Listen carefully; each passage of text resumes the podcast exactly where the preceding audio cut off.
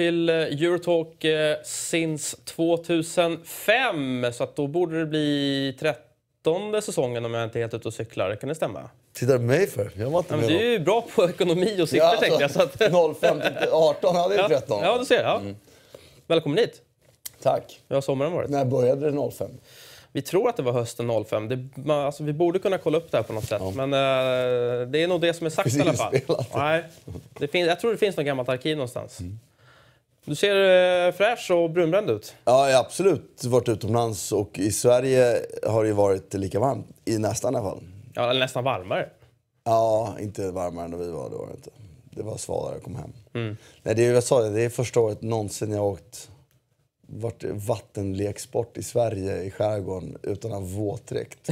alltså, det är unheard of. Det är det faktiskt. Det är, och det kommer aldrig ske igen. Ja, vi får väl se. Eller så börjar, ska, kanske man ska börja hålla på och köpa gamla dieselbilar igen. Vi kom snabbt in på politik här, det gillar jag. Mm. Eh, Sebastian Mattsson, välkommen hit. Tack ska du. Kick and Rush känner väl folk igen dig från misstänka. Eh, som det. du gör med, med Noah. Eh, vi ska säga att Noah kommer tillbaka nästa vecka. Han är i någon, någon sjö, har vi konstaterat. Oklart Någon vilket sjö. Namn. oklart vilken sjö. Någon sjö med en blank yta utifrån mina Instagram eh, efterforskningar. Mm. Mer än så vet jag tyvärr inte. Nej, vi får se. Han får svara på det själv när han kommer tillbaka. Eh, Och ni som undrar vad David Fjell är, han är i eh, Glasgow och eh, jobbar väl med sim-EM då, om jag är rätt underrättad. Och sen är det väl första Eurotalket någonsin där Christian Borell inte har ett Arsene Wenger-lett Arsenal. Det är rätt va? Ja, det må, ja, så är det, måste- så faktiskt. måste det vara, ja. Ja, det är historiskt om andra ord. Ja. Det är, Hur har du hanterat hela den här skilsmässan? Nja, på ett bra sätt tycker jag. Och, och jag tyckte det var viktigt, eh, pratade vi om i slutet på förra säsongen, att det var viktigt att han skulle få en värdig avslutning helt enkelt. Och, eh, så, så, så det tycker jag det kändes liksom väldigt bra och väldigt lugnt. Och, och eh, som tur är så, så fortsätter det att kännas bra. Lugnt vet jag inte, men, men liksom bra. Det tycker jag får eh, kanske inte utmärkta signaler, men klart bra signaler i alla fall. Både, både tränare och spelmässigt och spelarmässigt. Så att jag ser fram emot det här. Mm, vi ska snacka lite mer Arsenal såklart senare. Eh, vi kan väl börja med att lite kort ändå summera fotbolls-VM såklart, som var sommarens stora händelse. Eh, och eh, många säger ju att det var det bästa fotbolls-VM någonsin. Eh, instämmer du i det och vad säger du om, om vinnarna?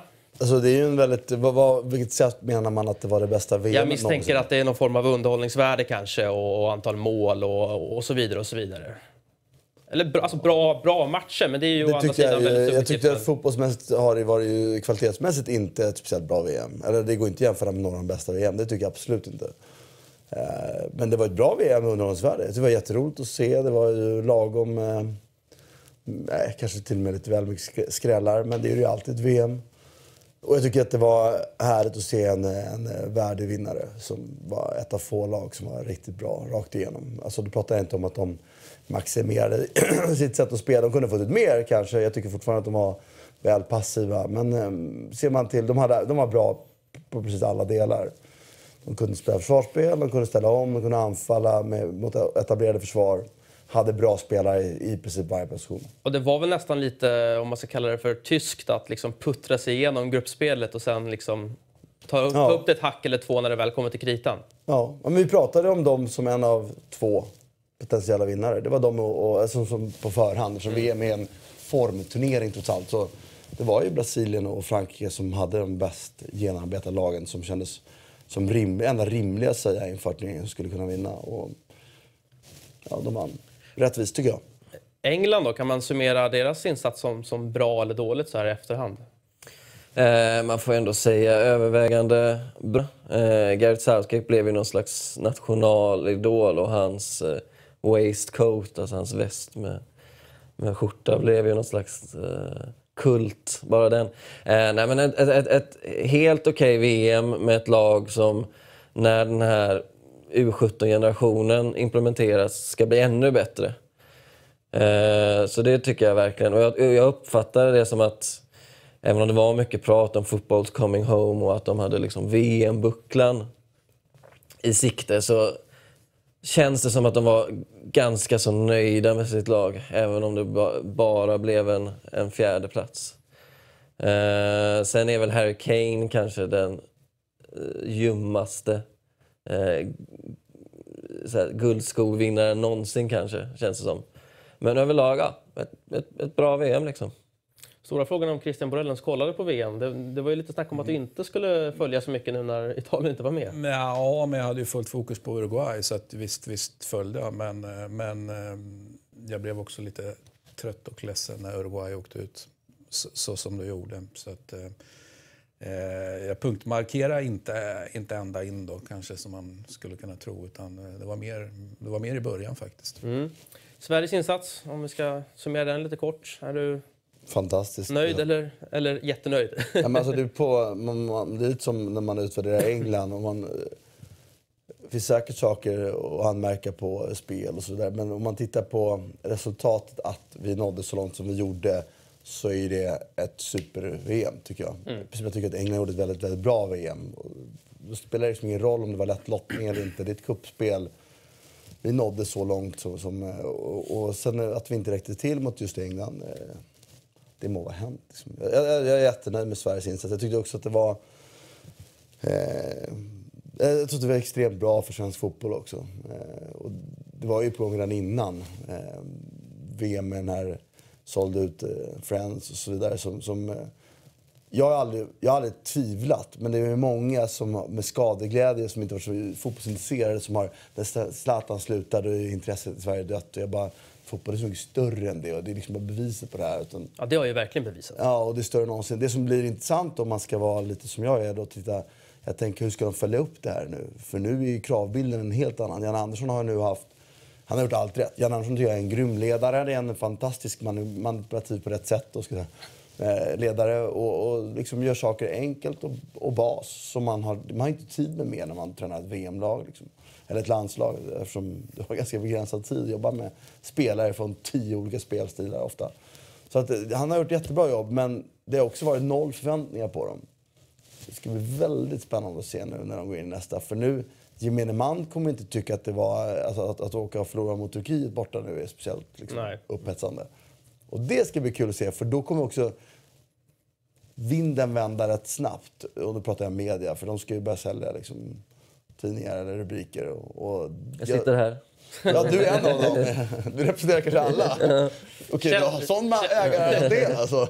Jävlar. Känslan är väl dock att, att det här nya kvalsystemet, eh, jag som följer en del ishockey, jag får ju så här, jag bara ryser när jag ser det här. Det, jag får lite så här, att typ ta sig upp från Hockeyallsvenskan till SHL, lite sådana vibbar. Att det, det är alldeles för komplicerat, invecklat. League, eller vad ja, och sen så fortsätter ju det in ja, i ett... Nej, alltså det blir, det, och, och, det ska spridas ut hit och dit. Jag vet inte, jag, jag kanske är skeptisk då, men, men eh, vi får väl se hur det går. Det är väl Turkiet och Ryssland då, mm. initialt sett för Sverige. Och det är ju länder som Sverige ska ha en chans mot, kan jag tycka i alla fall. Men som absolut inte vi ska slå av, av Nej, inte liksom, på, liksom som beställningsjobb. Men... Ryssland går ju att argumentera för egentligen är bättre än vad vi ja. spelar, spelar. Absolut. Turkiet är faktiskt lite dålig koll nu. Men... Ja, de har ju varit lite down senaste åren, men det är, ju, det är ju alltid en skräckåka till Turkiet. Liksom. liksom. Ja. ja, men de är ett stort fotbollsland så jag räknar med att det kommer fram några världsspelare därifrån på ett sätt som vi inte kan räkna med. Mm. Nej, men, alltså, vi har ju stått för en enorm överprestation. Jag är inte säker på att gemene man förstår. Eller jag är säker på att de inte förstår det. Och förväntningar eh, skruvas upp så blir det alltid, det blir alltid ett fall. Alltså därifrån han är nu så är det ett fall. Sen om det fallet blir så här eller så här eller hur det blir. Men sånt tycker jag är alltid spännande att se. Mm. Vad det gör med personligheter och ledarskap och så vidare. Och jag hoppas att han typ planar ut det. Liksom. Jag tycker att vi kommer vara med i EM. Allt annat vore en superfiasko. Det är svårt att missa EM nu, ändå, även för ett land som oss. Liksom. Eller? Han ja, jag, jag har inte riktigt läst mig in på det där Det är tillräckligt många lag med för att vi ska kunna... Ja, Jag kan inte heller hela kvalsystemet, men jag tittar bara på om det är så mycket lag med och tittar på hur många lag, länder det finns i EM. Ja, då tycker jag att vi ska vara ett av dem. Ja, alltså det finns ju någon form av rejäl fallskärm om man misslyckas i det här första kvalspelet. Ungefär så långt har jag landat. Eh, mm. VM för mig också handlar mycket om att man upptäcker liksom lite, nya, lite nya spelare, eller, eller åtminstone spelare som man kanske känner till lite grann men som tar, tar det där klivet, typ som Chamez gjorde förra gången. Mm. Hade vi någon sån spelare i det här VM-slutspelet? Någon som jag känner att jag inte hade koll på på förhand tänker du på? Ja, men lite så. Som ändå eh, använder VM som den scen den är för att bli den här, kanske inte superstjärnan, men ta första stegen dit. Och det var ju ingen svensk i alla fall, det kan vi ju konstatera. Jag måste säga att eh, själv sitter jag ju då, jag håller ju med om att det är en fantastisk resultatmässig bedrift och så vidare, men man måste ju också vara väldigt tydlig med att det är, liksom, det är ju en sån jävla återställare. Och sen kan man tycka att det är bra med återställare för det, det, det återställer någonting. En, en, en, en botten, bottennivå eller någonting. Va? Men om man, om man, om man ser. Sverige i ett längre perspektiv och svensk fotboll i ett längre perspektiv så blir ju i alla fall jag extremt liksom, upprörd och ledsen. Och, känner att allting som jag själv har hållit på och tittat på vad gäller svensk fotboll sen, sen, sen, sen man började bli någorlunda vuxen, det vill säga eh, fortfarande barn då på 70-talet, så är det ju samma skit vi tittar på. Det händer ju ingenting med utveckling av svensk fotboll överhuvudtaget. Och det tycker jag är sorgligt. Eh, och jag, eh, man kan säga så här, men vi, vi spelar på det här sättet, det ska vara så. Vi ska inte spela mer offensivt, vi ska inte vara liksom tryggare med boll och allt det där. Men jag, jag vägrar ge upp den kampen. Utan jag, jag ser fram emot ett Sverige som är mer bekväma med bollen. Även om vi kanske säger att du delar in det liksom defensivt och så offensivt och så spelar Sverige då med det här sättet att spela den här återställaren så ja, men då visar vi att ja, vi kan spela defensivt, påligt och så vidare. Men det finns ju ett tolkningsutrymme inuti det som då blir så att säga, defensiv fotboll. Och där måste det gå att spela mer tekniskt bra, bollbekvämt än vad Sverige gör. Så att jag, jag, jag tycker också att det är fantastiskt att vi, att vi resultatmässigt tog oss dit. Men spelmässigt så, så gråter jag. Jag kan hålla med lite också, också att det finns så lite utvecklingspotential i det här laget. För att man kommer ju dit man kommer med en stomme med väldigt erfarna, väldigt liksom... Eh, liksom, vad ska man säga, bekanta ansikten. Det är liksom Mikael Lustig och det är Sebastian Larsson och det är Marcus Berg. Alltså, de kommer ju inte ta några som helst kliv framåt, snarare omvänt. Liksom. Men gör inte det bedriften ännu bättre? Ja, men, det gör, bedrift, kollar, gör bedriften större. Kollar, men, jag brukade ja. sitta med mina polare och, och, nästan så här, inte garva, men så här, konstatera att Sveriges anfallsbesättning kommer från liksom Alaves, mm. eh, Arabemiraten, någon belgisk klubb och sen eh, Toulouse. Typ. Alltså det, är ju så här, det är ju absolut svagaste anfallsbesättning jag sett. Och jo, kanske det, den svagaste svenska VM-truppen på länge. Det är bedriften större. Men eh, som Christian gör, säger, det gör framtiden lite mörkare på något sätt. Mm. Alltså jag, skulle, jag tittar ju på den tekniska nivån relativt sett är mycket, mycket bättre i Sverige än vad det var för 10 år sedan, och 15 och 20 år sedan. Den är mycket högre. Eh, sen spelsättet, jag är ju ingen stort fan av det sätt som Janne spelar fotboll. Han spelar bra sådär, men, eh, och det håller jag med om. Men jag tänker tvärtom. Fatta förbättringsutrymmet med bättre spelartyper. För jag är precis inne på det du säger. Vi sitter med en anfallsbesättning där eh, Marcus Berg, som jag tycker då eh, fick mycket skit, men han var i alla fall i form. Man behöver inte säga att han är dålig, för det tycker inte jag. Men han var i form i VM. Hade Zlatan spelat den rollen, Zlatan sprungit lite mindre, men inte så mycket mindre, om du tittar statistiskt. Och framförallt har han gjort fem mål på de här målchanserna. Minst. Det hade han gjort, ja. ja. Mm. Alltså, vi kom så jävla långt. Jag, tycker, jag, förstår, jag håller ju med om att det inte var, det var inte fotboll jag sitter och jublar åt att se. Men jag tror ju också att förbättringens potential är enorm. Med, för jag är inte dugg orolig för att det är gamla spelare. De spelare typ du nämnde, de får vi fram i ett par tio minuter i Sverige. Mm. Jag är med så här, tänk att Emil Forsberg är så dåligt. Det är en tekniskt begåvad fotbollsspelare. Han var dålig i VM. Mm, ändå, ändå, ändå gick det så bra. För att, jag tänker, och det kommer, underifrån kommer det ju bra Precis, spelare. Det är, kan man ju tycka är en enorm styrka att, att Sverige går så långt utan att dess bästa spelare egentligen levererar ja. i en enda match. Nej, och det tycker jag är en sån sak. För jag, i sak håller jag ju med om, det var det jag försökte säga med att man ska hålla isär resultatet och sätta Jag gillar inte heller helt och hållet den fotboll vi spelar. Det är inte min typ av fotboll som jag vill helst vill se på. Men dels är det ett VM, så jag tycker det är lite underordnat. För jag tycker nästan inga lag spelar bra fotboll i VM. Eh, dels tycker jag också att det här nationella särdraget, som kanske inte är det roligaste vi har. Jag tycker också att en del av behållningen, kolla på VM, att vi faktiskt har kvar lite nationella särdrag. Vi kan ta bort vårt då kanske. Men att det ändå finns Argentina fortfarande inte kan spela med balans, tappa huvudet. Eller, Mm. Alla de här grejerna finns kvar, för de har ju försvunnit i klubbfotbollen. Där alla numera spelar med, med världsspelare i toppligorna. Liksom. Eh, så jag, någonstans tycker jag att, att, att dels är det en del av behållningen som Christian är, är lite emot. Och det andra är att jag tror att att det finns en enorm förbättringspotential eftersom vi, vi var så dåliga i vissa delar där jag ändå vet att den tekniska nivån i Sverige är, den är mycket, mycket högre relativt sett. Så det är bara att kolla på eh, mottagningar, matcher och så här. Det är inte liksom... Titta på ungdomsfotbollen, våra ungdomslandslag, kolla matcherna så ser man det är en helt annan nivå liksom, relativt sett. Men då vill ju till att de grejerna kommer till nästa nivå då, eller två nivåer upp Absolut. eller tre nivåer upp. Och där, där måste, där måste man ju säga att svensk fotboll då, ehm, som ju såklart landslaget är en del av bara, har ju, det finns ju inte något track record som imponerar direkt utan det är ju besynnerligt. Om man tänker att det är ännu lättare då, eh, även om det är svårt, att, att ha ett, ett eh, väl identifierat projekt som ska se ut på ett visst sätt och där det kanske då finns att man spelar lite annorlunda, kanske lite mer tekniskt, kanske lite mer offensivt fast fortfarande defensivt stabilt så, så tror ju inte jag, jag ser inget sånt i något, i något svenskt klubblag. Liksom att, att aha, det här ser spännande ut, det här, de kör sin grej och Ja, det såg vi nu i Europa League-kvalet. Ja men exakt. Mycket bra poäng. Va? Och, nu, och det är ju bara att säga att ja, men det såg bättre ut resultatmässigt förra året. Va? Men, men det, är inte, det, det måste se bättre ut. Och om du inte kan hitta den där liksom klubbarna, där jobbar de ju ändå varje dag hela tiden. Det är klart att om du någonstans ska kunna driva ett jävla projekt så är det på klubbfotboll. Klart att det är svårare för landslaget, det, det, det förstår jag. Ja, det går inte att driva. Men, men, men svensk fotboll som helhet, alltså var, var är, okej, Graham Potter i Östersund då möjligtvis, men var är, var är visionerna? Var är, var är liksom det kompromisslösa Bielsa-projektet bara för att ta... eh, Han känns Ja, vi kommer komma till Bielsa Jo, vi ska ju återkomma till honom. Men, men där är ju svensk fotboll, alltså likriktningen är ju monumental. Och då, Och det är ju det, är ju det som är så jävla tröstlöst, som gör att jag ser ingen... Alltså jag är med på det här, det du säger att de unga, de kommer och så vidare. Eller så här, de, de kan eventuellt komma, det ser bättre ut, mottagningen är bättre, tekniken är bättre. Ja, men det, det, det når ju inte ända upp. Och, och då kan man säga, ja, men för, det tar lång tid då tydligen, va? men det, det går ju. Det går, det går, det går, det går. Frågan är om de som styr utvecklingen här, om de, om de, om de ens verkligen vill. För vill man verkligen göra någonting, vill man verkligen spela delvis annorlunda fotboll så går ju det. Då kan man säga, har de förmågan att göra det? Och då tänker jag på, på ledarnivå. Ja, de kanske inte har förmågan då.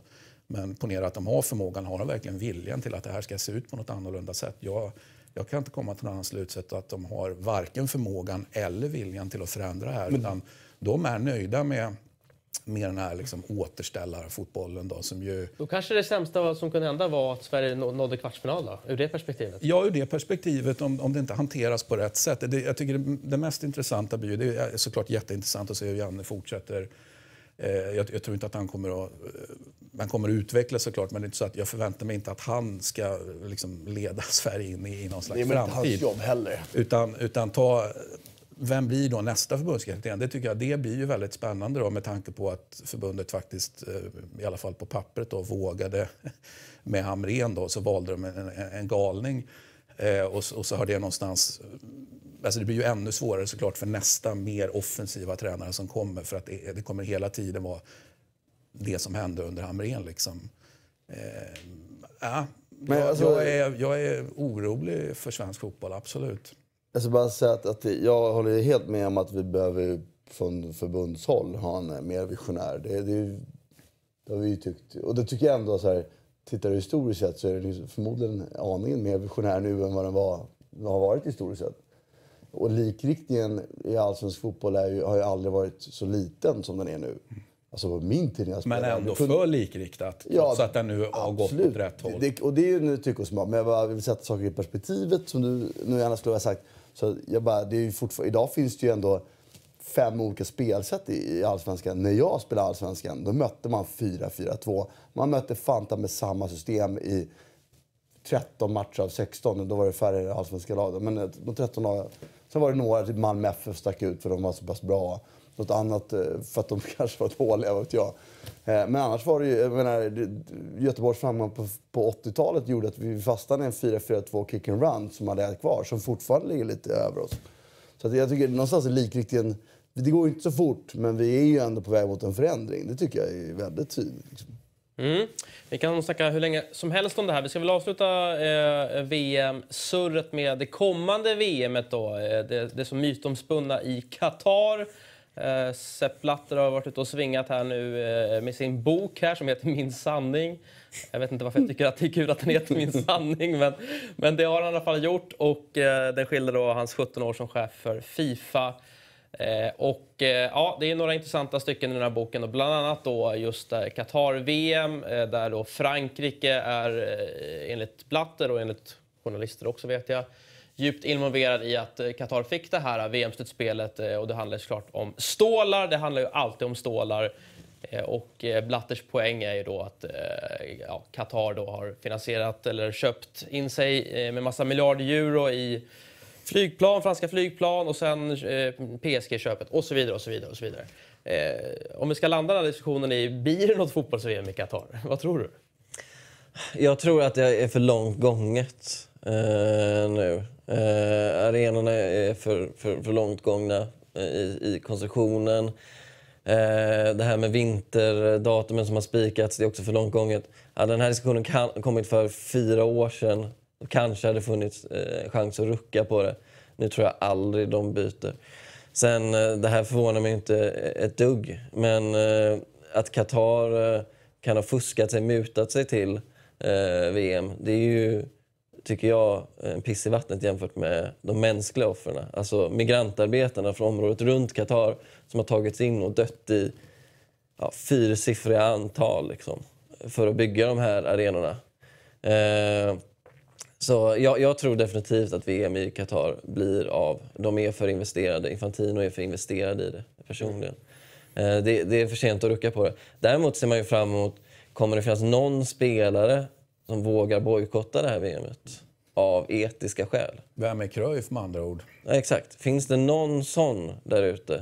Eh, för det skulle kunna bära med sig en helt annan tyngd än att The Sunday Times skriver arga krönikor eller något liknande. Eh, finns det någon med, med, med patos som skulle kunna... Jag tror att det kommer landa tvärtom. Vilken spelare kommer spela i Qatars landslag? Jag tänker så? Ja, jag, Jermaine, jag ser framför mig hur det här laget... Jermaine Otti sprang för, vad var det? Ja, Slovenien lite eller som när Qatar ja. i... Det var väl handbollen de köpte liksom, eh, ja, i stort sett allting där. Och, Churluka spelar för Qatar. Ja, men lite så. Lite så. Eh, Zidane tackade väl nej till 3 miljarder eller vad var det för att inte träna i Qatars landslag. Men det är väl, sista ordet väl inte sagt till det där kanske. Men jag tycker ett, ett sätt att se på det också är ju att det är lättare om det, om det för fyra år sedan eller vad det nu är för x antal år sedan var, var, var omöjligt att säga nej till Qatar. Det var omöjligt. Det var en, det var en för bra deal för för många personer för att inte sätta dealen. Det vill säga Sarkozy är såklart väldigt viktig här då. PSG, supporten Sarkozy som, som då eh, fixar lite allt möjligt. Inte bara eh, sälja lite skönt material ner till, till arabstaterna utan också säkrar PSGs eh, framtid då, genom att lyfta in de pengarna där. Eh, där och då kändes det ju som att de pengarna var helt omissliga för internationell fotboll som, som gick lite grann och funderade på var pengarna skulle komma ifrån. Nu är det ju massor med pengar som, som bara flödar in från Asien, då, bara ta, eller Kina kan vi väl säga mer, mer direkt. Då. Så att, eh, jag tycker fotbollen är inte riktigt lika, eller den är inte lika sårbar ekonomiskt som vad den, är, som vad den var då. Det skulle vara ett argument emot att man skulle kunna baxa sig ur det här på något sätt. Men, men, men visst fan är det långt gånget. Mm. Ja, man vart sugen på boken i alla fall. Eh, Min sanning heter den, så se om ni hittar den i er lokala bokhandel. Eh, bra, det är väl hög tid att ta oss till eh, de brittiska öarna.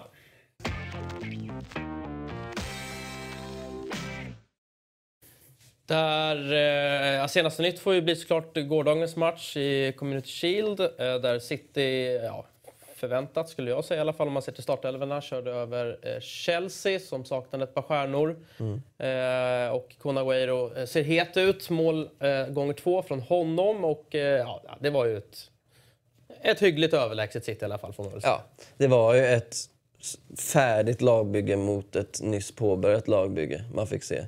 Och plus att... Eh, att många av nyckelspelarna som Hazard eh, saknades. Eh, och det var väl framförallt mittfältet hos Chelsea som, som brast där, där Jorginho fick ta ett stort defensivt ansvar och hade Ross Barkley och Fabregas med sig. Och eh, Fabregas i Sarris fotboll fortsätter ju vara ett, ett frågetecken. Alltså, eh, Fabregas har jag stor respekt för. Eh, men kommer han funka i det här pressspelet? Han är ju inte en speciellt snabb spelare. Det är han ju verkligen inte. Och det kändes som att City kom igenom det där mittfältet hur lätt som helst. Mm. Hur många gånger som helst. Och, eh, det, det, det är spännande. Jag tycker det är en, en svår kombination det här med att Sarri är ju liksom en tränare som jag är ingen kung på Serie A, men som jag förstår det så startade han ganska långsamt i, i Napoli. Det, det, tog tid innan det satte sig. Liksom. Och med det i åtanke borde han fått ännu mer tid på sommaren. Istället så är Conte tränare ända in i, i, i juli av någon helt obegriplig anledning. Och han kommer in väldigt sent. Och han var ju själv öppen med det efter matchen, så här, att eh, det här är liksom långt ifrån vad jag vill se. Eh, jag har inte lyckats implementera än. Vi vet inte hur vi ska eh, spela än. Så känslan är väl som du var inne på, att eh, Chelsea vaskar en säsong. Och det här är ju den minst tålmodiga klubben i England. Så antingen är det ett nytt Chelsea vi får se, eller så eh, kanske Sarri bara får de här två säsongerna på sig. Ja, vi, vi, vi, får se. Klart är ju att Pep Guardiolas uh, City inte ens spelar på maxen men ser fortfarande lika ohyggligt stark ut. Mm. Eh, en sån som jag alltså ibland så här, sliter mitt hår av att se spela är ju Morata som jag kan tycka, alltså han är så dålig ibland så att man... Wow! Och det var inget undantag den här gången heller. Det, alltså där har ju Chelsea ett enormt problem om de ska spela med, med Morata en hel säsong, kan jag tycka i alla fall. Ja, eller så får han ju... Han har ju en, en fantastisk historia, Sarri, att lyft spelare individuellt och lärt dem saker. Men visst, jag är inte heller... Jag gillar ju Morata, men jag ser inte honom som en startspelare. Ett lag ska konkurrera om titlar. Liksom. Han startar inte Juventus, startar inte Real Madrid. En grym inhoppare och liksom. bra vissa specifika matchbilder. Men alltså, det, finns ju, det här var ju inte ens en match Alltså, det var ingen match. Nej, exakt. vi pratade startelvorna, vi pratade mycket annat. Sarri kunde heller inte fått någon sämre start. Den enda tränaren som har läst hans spel i förväg har mött honom dessutom. När han var i sin prime med ett lag som var så otroligt innehållande. Det var ju Pep liksom. Det är kanske den enda tränaren som är bra nog att läsa det dessutom till punkt och pricka. Så det, det finns mycket i den här matchen. Jag, jag, liksom, jag tycker det ska bli sjukt. Jag är en stort fan av Sarri. Det är, jag är inte säker på att han lyckas i Chelsea. Och jag, det syftar inte jag på att, att det är dålig tålamod från supportrar och klubben. Utan jag pratar om kulturella skillnader och stor skillnad mot en tränare som var innan kan man säga. Men det var det även när han tog över Napoli. Men sju matcher vänder eller ska det vända på? Det vet, alltså, jag följde Napoli väldigt nära när det där vände och det spelade klart bättre från början än vad det här såg ut att vara. Mm. Jag tyckte några grejer igår som framförallt såg man ju mm, så här, de här självklara... Eh, Jorginho slet med sitt hår när han hade bollen. Han är van att bara släppa den. Alltså, om han vill under press, släppa den bara i sidan till folk. Folk var ju inte på plats. Liksom. Och det kändes som att det var en bra bit kvar. Men sen absolut, spelarmaterialet i sig heller inte liksom... De ska inte ha en chans i sån här match. Så det går inte att säga liksom. Det är väldigt spännande att följa såklart. Vi, vi kommer att återkomma till det. Men det är ju liksom flera tränarförändringar som man är, och, och klubbar som är det är ju någonting efter då måste man ju säga. Inte bara att, men det här är ju säga, för alla, de liksom. bästa liksom. tränarna eventuellt. Men här har vi de här som, om vi nu ska prata om eh, nu handlar det om vem leder utvecklingen på tränarnivå, då, fotbollen. Och, redan inför förra säsongen så pratade vi om att det var Guardiola och Sarri var självklara namn och så vidare. Nu är båda de två, inte bara Guardiola i, i, i Premier League och dessutom eh, deras eh, andlige fader så att säga, Bielsa. Så att nu är det verkligen, okej okay, han är inte i Premier League förvisso. Han, är, han, Nej, man kan vara om ett år. Han kan vara om ett år. Men att alla de tre eh, sitter och är förespråkare av den spel, det spelet som de faktiskt förespråkar. Det, det, måste man ju säga, oavsett vad man tycker om engelsk fotboll så är det för jävla häftigt. Har du en punkt här, Christian? Hur många sig kommer Sarri behöva trycka i sig innan allt rullar? Ja, är ganska många, men det är väl tyvärr, de är väl ännu, de är väl ännu jobbigare med rökförbudet där förmodar jag. Nej, de har byggt han ser ju, han ser ut som att ta en cigg på den bilden vi har ja. på skärmen. Det där, det där med cigaretter ska man ju inte underskatta faktiskt. Apropå, jag, jag, jag läste, det finns ju en sån här fantastiskt eh, skön berättelse om hur hur Arsène Wenger och David Dean en gång i tiden träffas. Och då, eh, och då är det så att de är uppdelade. På den tiden får de inte sitta, sitta då är herrarna i directors box liksom för sig och sen så eh, kvinnorna fick inte vara med på den tiden. Eh, och, I England? i England på den, när han kom där. Eller när han började besöka innan han, han kom ju... Det låter som han var ju, mossiga golfklubbar. Ja, men England är ju ganska mossigt. så att, nej, nej, inga, inga. Men hur som, eh, sen hur, hur Wenger då på något sätt... Eh, han råkade i alla fall stråla samman med David Deans fru för han behövde eld. Så där var någonstans... Eh, och, och, så började de prata och sen efter matchen så, så fortsatte då eh, Wenger att prata även då med Deans, maken Dean då så att säga. Så att eh, väl vald cigg, eh, det, kan, det kan vara viktigt. Så kan det vara. Ja, känner, vi, får, vi får inte romantisera ciggen för mycket bara. Det är, det är farliga Nej, men, men den ska ha sin plats. Så är det. Eh, ja, men vi får se lite vad som händer med Chelsea. Mycket handlar såklart om Courtois och Hazard också. Då. Vi ska säga att transferfönstret stänger ju redan 9 augusti i England. Eh, och att Courtois vill lämna det har ju alla eh, inom hans krets eh, gått ut med, inklusive agent. Eh, sen får vi se om det blir redan i år eller om det blir nästa år när det är en eventuell free transfer. Eh, och Hazard såklart. Där är man ju spänd lite på vad som händer. Jag har ju hela tiden trott att han ska gå till Real Madrid, men det, det verkar inte ske. Jag tror eh, att viljan från spelaren finns där. Men Chelsea har haft en så otroligt oorganiserad och icke-produktiv sommar att det aldrig var aktuellt att släppa Hazard. Eh, de hade ju liksom ingen plan för att ersätta honom i, i, i så fall. Så jag har väl, all, jag har väl känt att okej, okay, eh, släpp Hazard men i så fall ger ni upp. Inte bara den här säsongen utan två, tre kommande säsonger. Och det kändes inte aktuellt. Eh, Courtois är ju lite lättare att ersätta än vad Hazard är. Sen är problemet att Chelsea gör ännu ett fönster där de på något sätt om de släpper Courtois och tar in, jag vet inte vad, Kasper Schmeichel istället. Något sånt. Att de ändå gör, ett, gör ännu ett plus minus noll-fönster, vilket har blivit en slags tradition nu i och med att det var det Conte också fick leva med. Eh, och sin sista säsong. Och det var troligen därför han drog också. Så eh, ja, det känns som en eh, oambitiös Abramovic nu. O, mer oambitiös än han varit på mycket Fast samtidigt är det någon, någonstans, någon gång, någon tid där du kan då gå lite, inte, inte trycka in lika mycket pengar, eh, så är det ju när du har en tränare som utvecklar spelare och då menar jag redan existerande spelare. Om Sarri gör bedömningen att det finns eh, spelare här han kan utveckla, då, då skulle jag vilja säga att då behöver inte det här vara så negativt. Alltså... Jag tror inte det finns så många spelare i Chelsea just nu som passar hans ja, spelstil där. Alltså, det, det, känns som att det, det Chelsea som Conte tog till ligatiteln, det var bara Conte som kunde ta det till ligatiteln. Alltså, det var bara, bara han som kunde få Victor Moses att liksom se ut som en, en, en titelvinnare. Liksom. Jag, eh. jag hör vad du säger och jag förstår varför man pratar om det. Men som sagt, man får inte glömma vilken omvandling han gjorde både Empoli och Napoli med spelare som var Vadå, vem, vem trodde att de spelarna skulle bli världsspelare? Inte jag i alla fall. Liksom. Han gjorde Mertens till en fantastisk nia. Vem fan trodde det? Liksom, Nej, om man tittar på de grejerna som han tog in i, eller som han fick då, så att säga, alltså fick med sig. Eh, så kan man argumentera för att det var de som det ändå satsades lite pengar på. Till exempel Valdi Fiori. De misslyckades.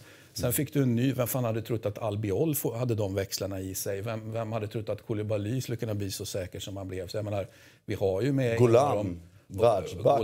Vi har ju att göra med en, en fotbollsutvecklare som är av rang och en av de absolut främsta. Så att, eh, jag skulle säga att han kan det kom, jag, jag, är för dålig på exakt vilka spelare det är i Chelsea, men att det finns spelare i Chelsea som Han ser i alla fall saker som i alla fall är... Förvalta, ja. det, det är helt, helt enkelt ge lite tid. Ja, men, men han kommer ju att få den tiden. Ja. Jag menar, Abramovic är ju, han, och, och, och hon eh, Granovska, de, de, de, de, är för smarta för att inte ge honom tid. Men jag vill också säga att, att, att man, det som är min farhåga är, det är ju också språk och, och annan kulturell skillnad. Han har jobbat i Italien, han är väldigt italiensk sätt att vara ju med all den vidskeplighet och sånt trams han på med.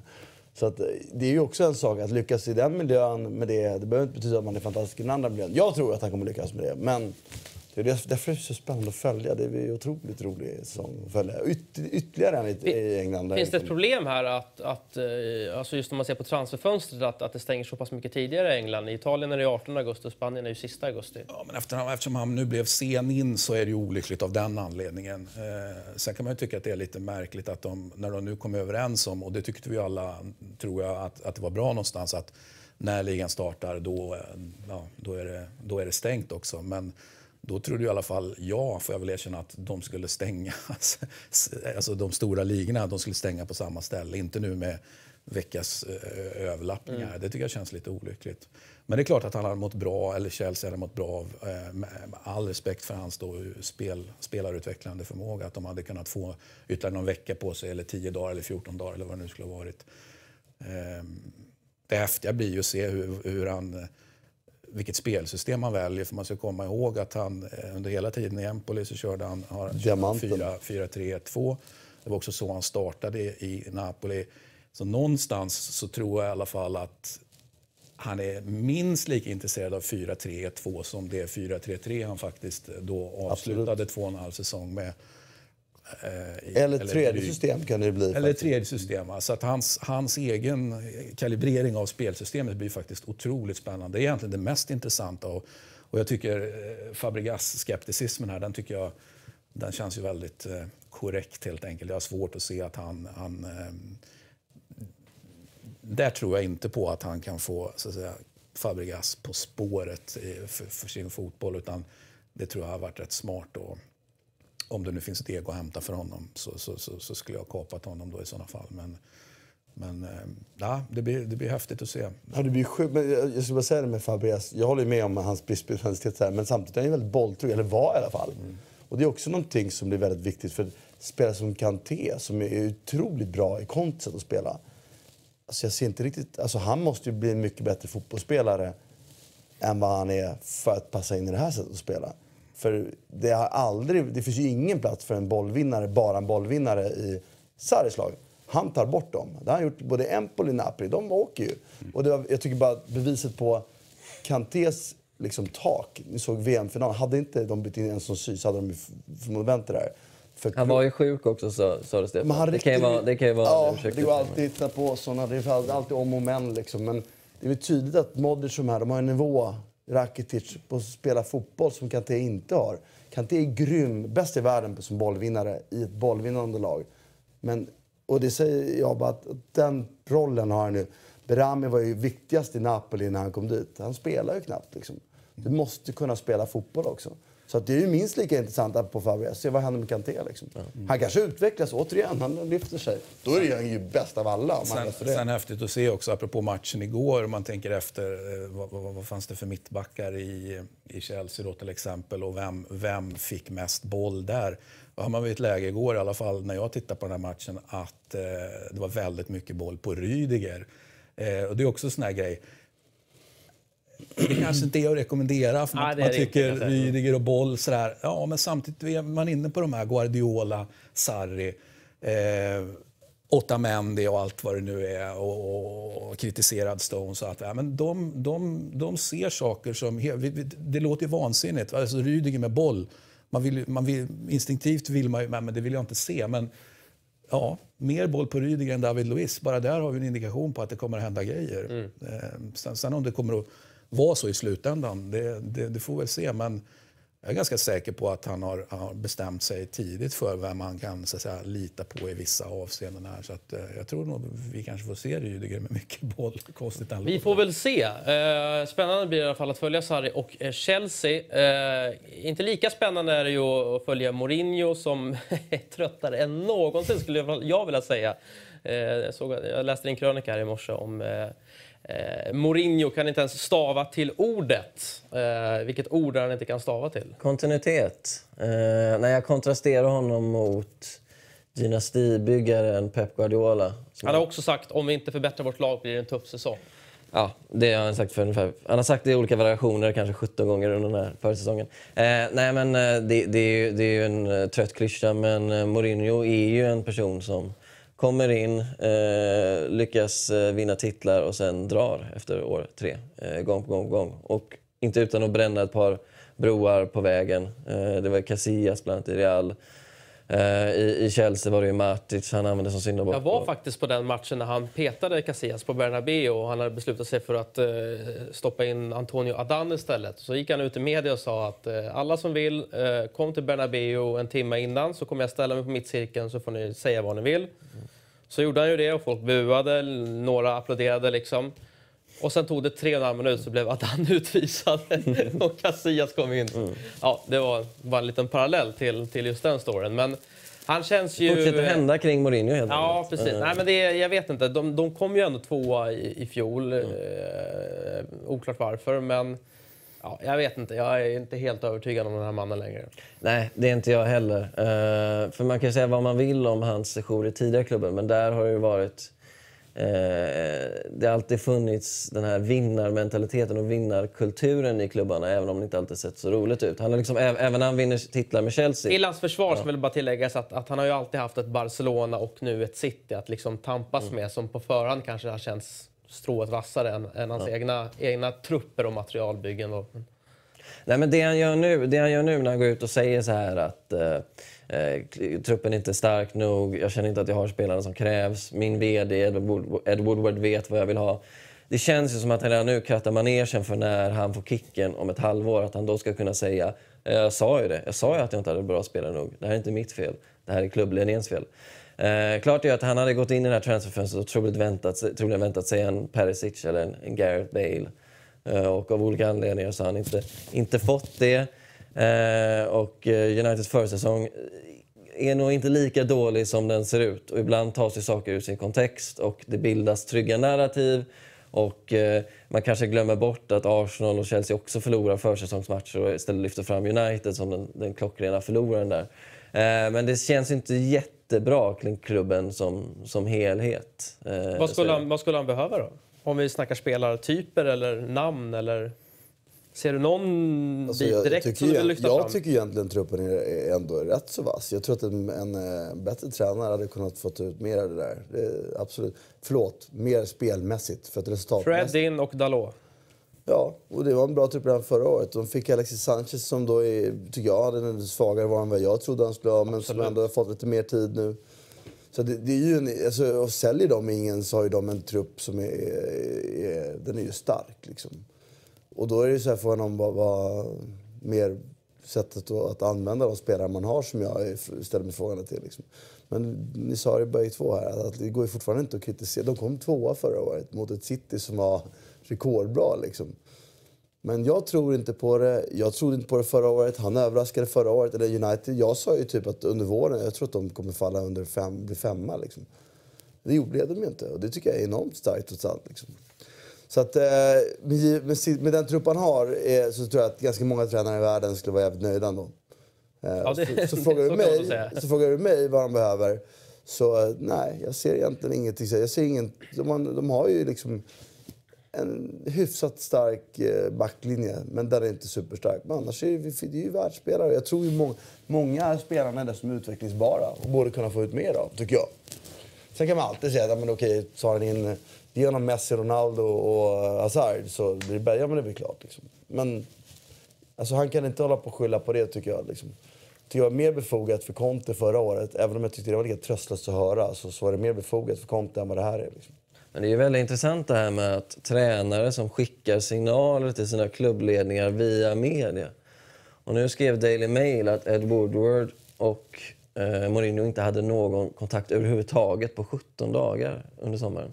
Alltså, jag vet inte om ni har sett det där mötet när Woodward springer fram till Mourinho och skakar hand eh, under USA-turnén. Eh, och alla tycker att gud vilken stel stämning det var. Nu visade det sig att de inte hade träffats på 17 dagar och de hälsades för, hälsade för första gången på, på det. På, och de hade inte hörts av alls innan.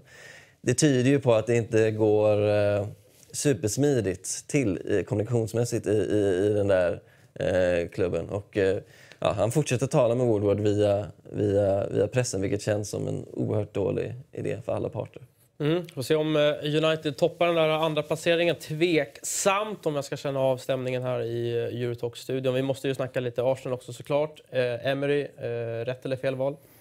Ja, men det är rätt. Det här känns eh, som supporter som eh, som jag varit inne på så kanske man var eh, ännu mer sugen då på en del eh, tidigare spelare. Men nu låter vi Vira göra det han gör i, i, i Nice och så låter vi Henry göra det han gör var han nu kommer att göra det. Eh, och så ställer vi upp bakom Emry och sättet som Emry har, har börjat på här. inte gå in och tokkräva massor med nyförvärv eh, utan eh, puttrat på lagom, det är fem spelare in. Mm, de, Torreira, Leno, Sokratis är väl de mest framstående. Ja, och ungtuppen Guendouzi och så vidare. Va? Alltså,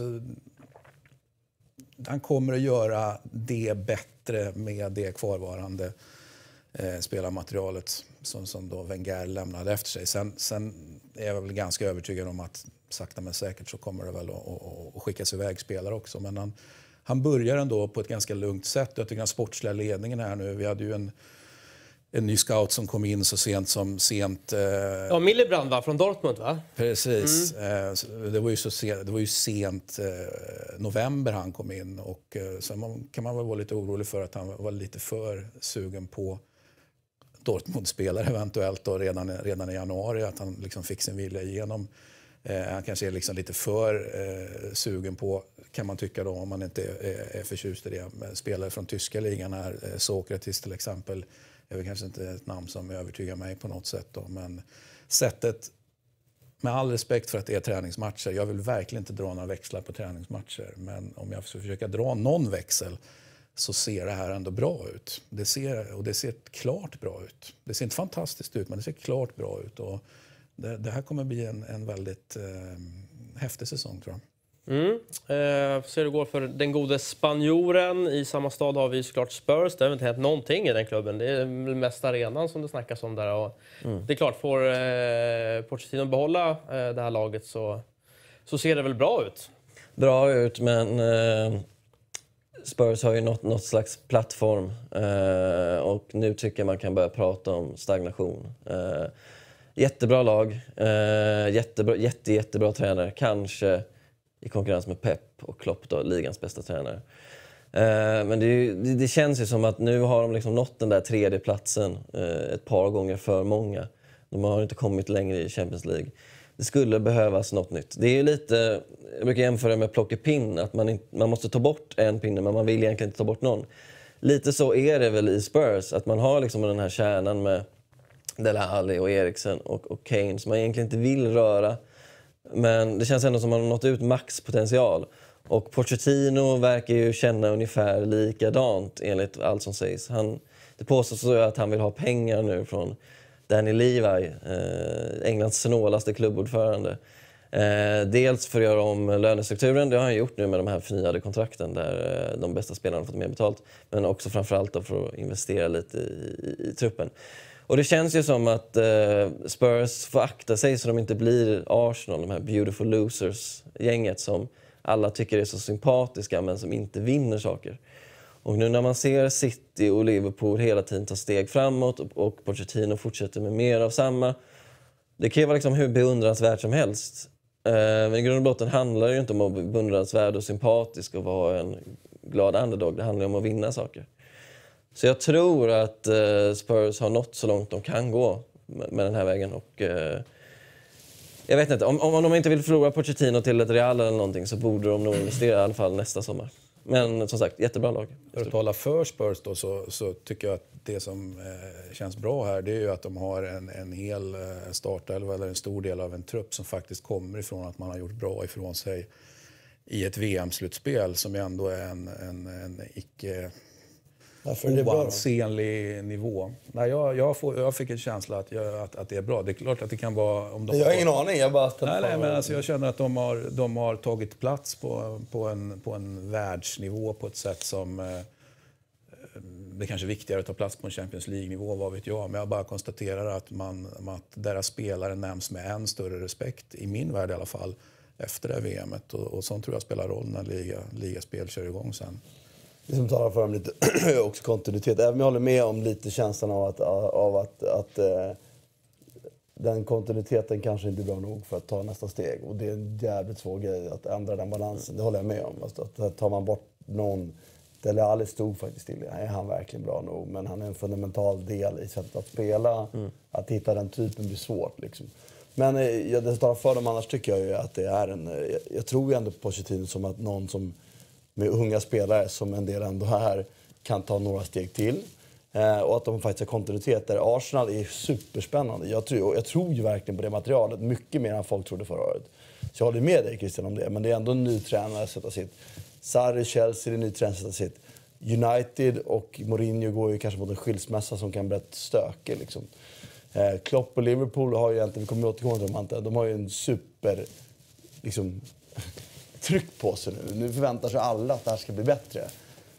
Och det, ja, det finns bra möjligheter att det är det, men är Salah på den nivån ett år till? Han var fundamental förra året. Alltså, du vet, det finns ju ändå någon slags fallhöjd där. Vi kan väl ta oss in på Liverpool. Många Och säger... det, det talar för Tottenham hamnar nu återigen lite i skymundan. Smygläge kanske? Ja, lite Ja. liksom. Men just Liverpool, de flesta nämner ju Liverpool som den kanske liksom enda riktigt seriösa utmanaren till City. Och eh, Keita in, Alisson såklart, Fabinho, Shaqiri eh, och så vidare. Och så vidare. Och van Dijk från början. Eh, och eh, van Dijk, ja precis. Och eh, krossen där av Napoli. Man ska ju inte dra för stora växlar av träningsmatchen naturligtvis, men det såg bra ut kan man ju säga i alla fall.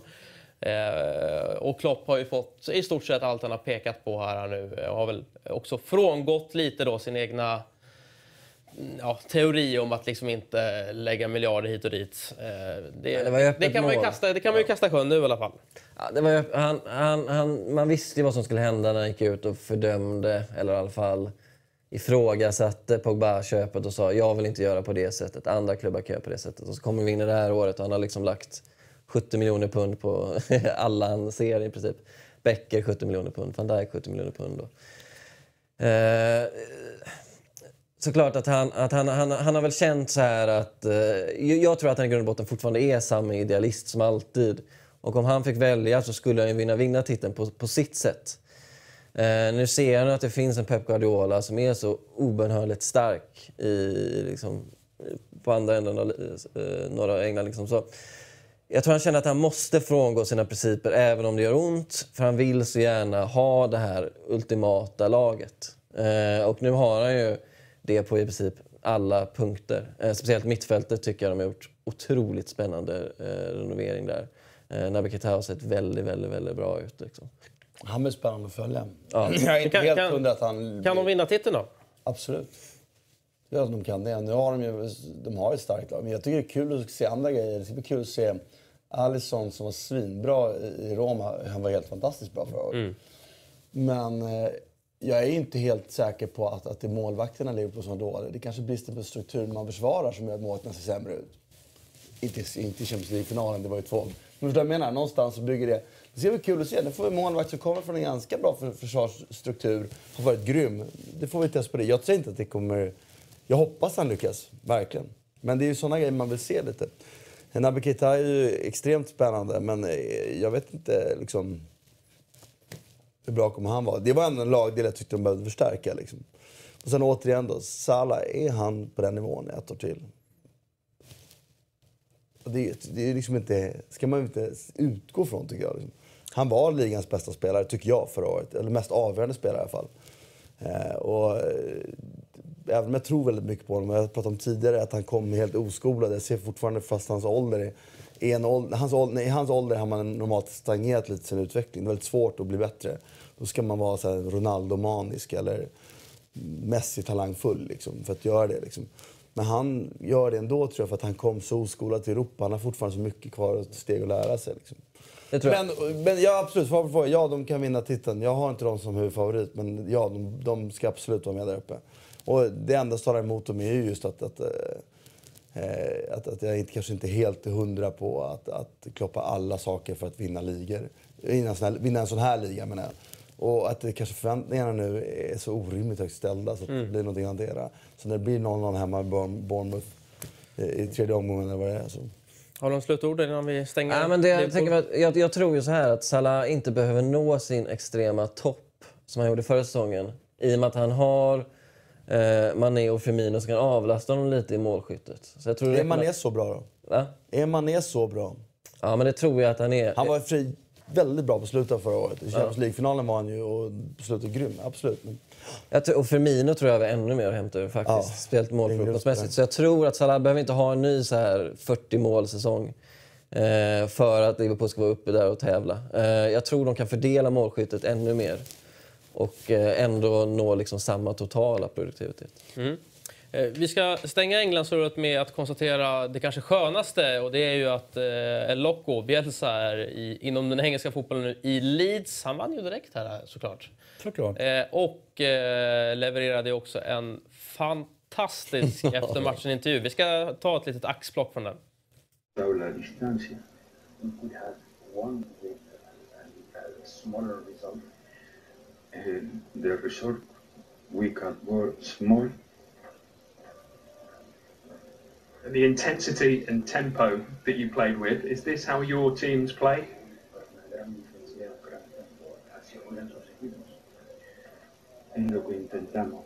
That's why we try to do. I, we try to do it Ja, det är mycket som är väldigt bra i den här intervjun. Eh, tålamodet från reportern, fantastiskt. Eh, användning av tolk tolken är ju också eh, unheard of. Eh, Ja, och så tolken Tolkens, alltså tolken då översätter vad han ska säga fast på engelska istället för att han bara berättar vad Bielsa vill säga.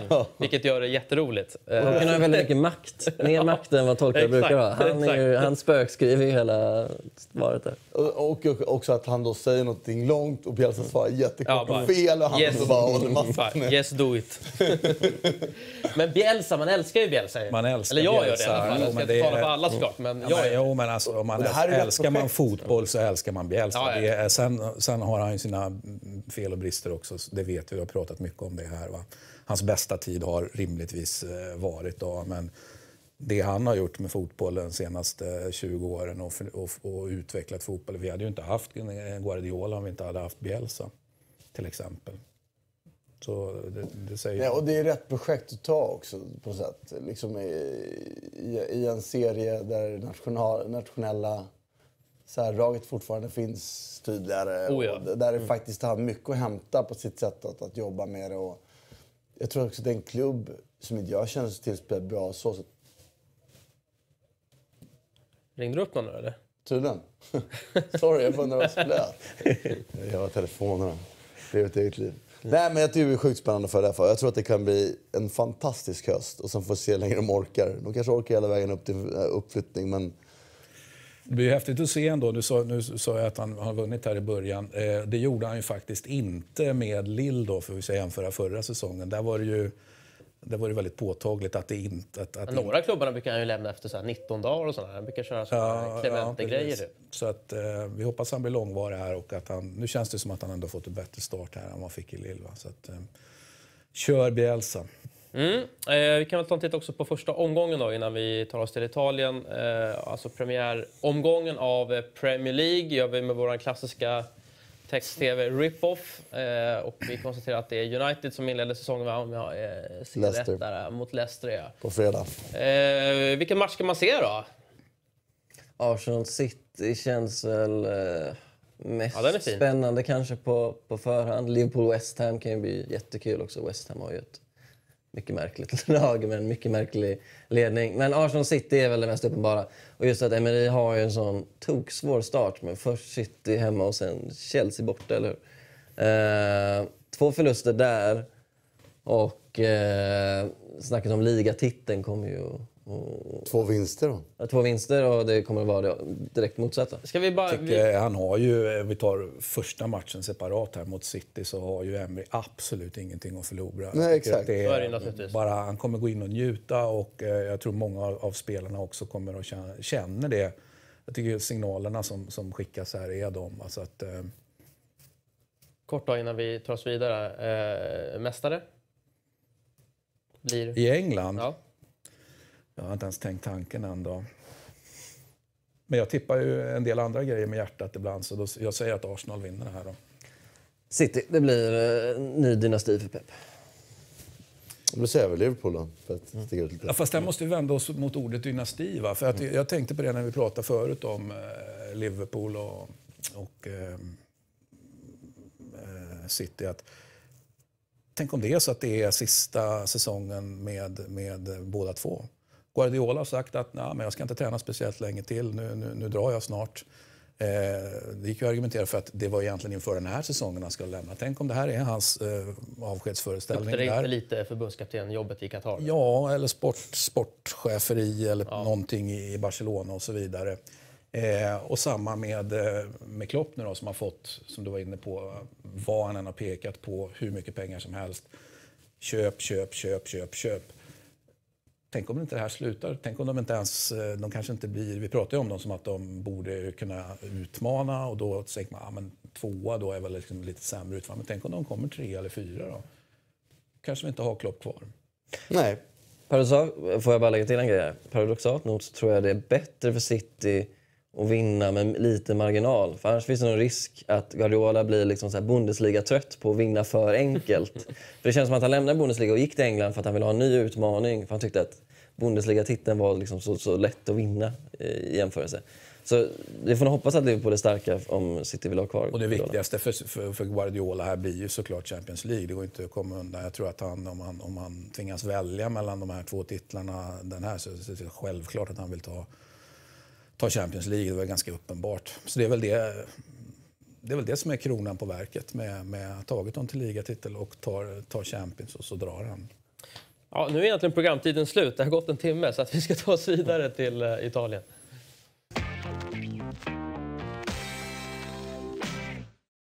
Eh, och ett Serie A som känns hetare än på länge naturligtvis med eh, ja, Ronaldo-övergången till Juventus som pricken över i.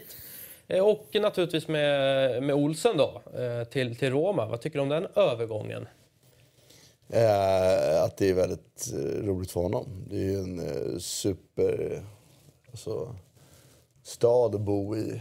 Eller bo i, det är kaos man. Men det är, en- det är vackert. Det är ju en av mina absolut favoritstäder i världen. Så att livet, och det är en passionerad del. Jag menar, det är ju, fotboll är viktigt i, det, i den staden och Roma är viktigt för dem. Så att han kommer få uppleva mycket bra saker. Sen så man håller, alltså han efterträder ju en målvakt som jag tror att han har svårt att nå upp till den nivån. Men jag, jag har alltid gillat Robin Olsen som målvakt och håller honom mycket högre än vad folk brukar hålla honom. Tycker han är, jag menar i VM, möjligt så att han kommer lite fel på Kroos mål, men jag har sett honom spela i Malmö eller FCK så att det, på något sätt så, så passar det här min bild av vad jag har sett honom spela. Jag är ingen bra målvaktsanalytiker men när jag har sett honom spela en morgon har jag tyckt att han är mycket bättre än vad han får i klubbar att spela i. Så det här rimmar mer med vad jag tror, tror om honom. Liksom. Och här är man ju väldigt tydliga med att man ska utveckla hans målvaktsspel också. Det har ju inte minst eh, Monchi själv varit eh, extremt tydlig med att vi ska göra precis som vi också gjorde med Alisson. Det var inte så att Alisson var så att säga, fantastisk med fötterna till exempel. Det är framförallt det de riktar in sig på här. Eh, och det ska målvaktstränare här, eh, Saborani, han ska liksom göra om bedriften eh, on repeat så att säga. Eh, Så att det är inte, vi har inte köpt Olsen för att vara så bra som Olsen är nu utan vi har köpt Olsen för att Olsen ska bli bättre. Och det tycker jag det känns ju spännande för ett svenskt landslag till exempel att han då helt, plötsligt, eh, om man nu skulle kunna bli lika trygg som, som Alisson med fötterna, det, det kanske inte är att Nej. rekommendera, men att han kan knata en bit liksom på den vägen och faktiskt eh, så att vi helt plötsligt har en svensk målvakt som, så, i landslaget då, som, som kan delta på ett annat sätt i spelet. Det vore ju fantastiskt. Eh, Det har vi, det har vi aldrig varit i närheten av. Eh, Roma som också har plockat Pastore och eh, Kluivert. Eh, En hygglig Mercato eller? Den är väl inte klar den här. Nej det är det inte. Det stänger ju i mitten av augusti i Italien. Så. Kvantitativt är det ju en, en han var ju snabb ur startblocken Monchi och det, bra. sa, det sa ju bara pang, pang, pang. Det var ju med väldigt, väldigt stort självförtroende han tog sig an den här Mercaton. Han har ju städat bort i princip allting som det stod Ja, Nangolan eh, skickar man ju iväg Ja, men allting det stod Walter Sabatini som- på som var bara Ja. liksom pang bom, hej då. Och, och, eh, han har ju varit helt kompromisslös.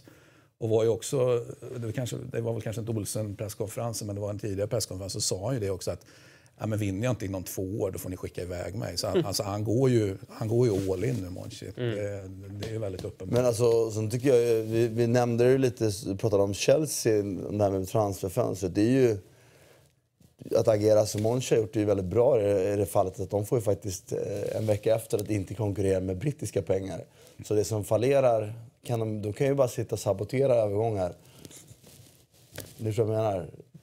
Sen är de ju en, en väldigt stor spelare mindre på marknaden och det är ju jättefördel för de länder som stänger senare. Det tycker jag brukar säga att Sverige borde alltid stänga efter de internationella för där kan vi plocka smulor när folk blir fast i någon lånedeal som inte gick igenom och inte får spela. Helt plötsligt kan vi få helt annan nivå av spelare. Liksom. Det var ju väldigt kul hur Monchi hanterade Malcolm-debaclet. Ja, precis. Med Barca där, ja. Barca snodde honom från ingenstans. De hade redan gått ut med att de hade en överenskommelse. Eh, att han släppte en sju minuter lång intervju där han förklarade precis vad det var som hade hänt.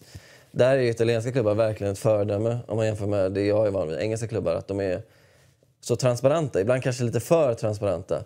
Men då, och det har man ju märkt när engelska tränare kommer till England att Mancini och Conte har suttit där och pratat jättemycket om vad de köper och inte köper. Och Wenger sitter där och bara Va? Varför, varför pratar de här? Jag säger alltid ingen kommentar på allting.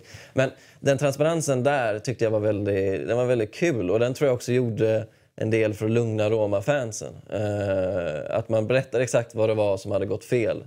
Nu tror jag ingen är arg på Monchi för att eh, Malcolm-affären gick i stöpet. Nu riktar man ilska mot Barcelona istället.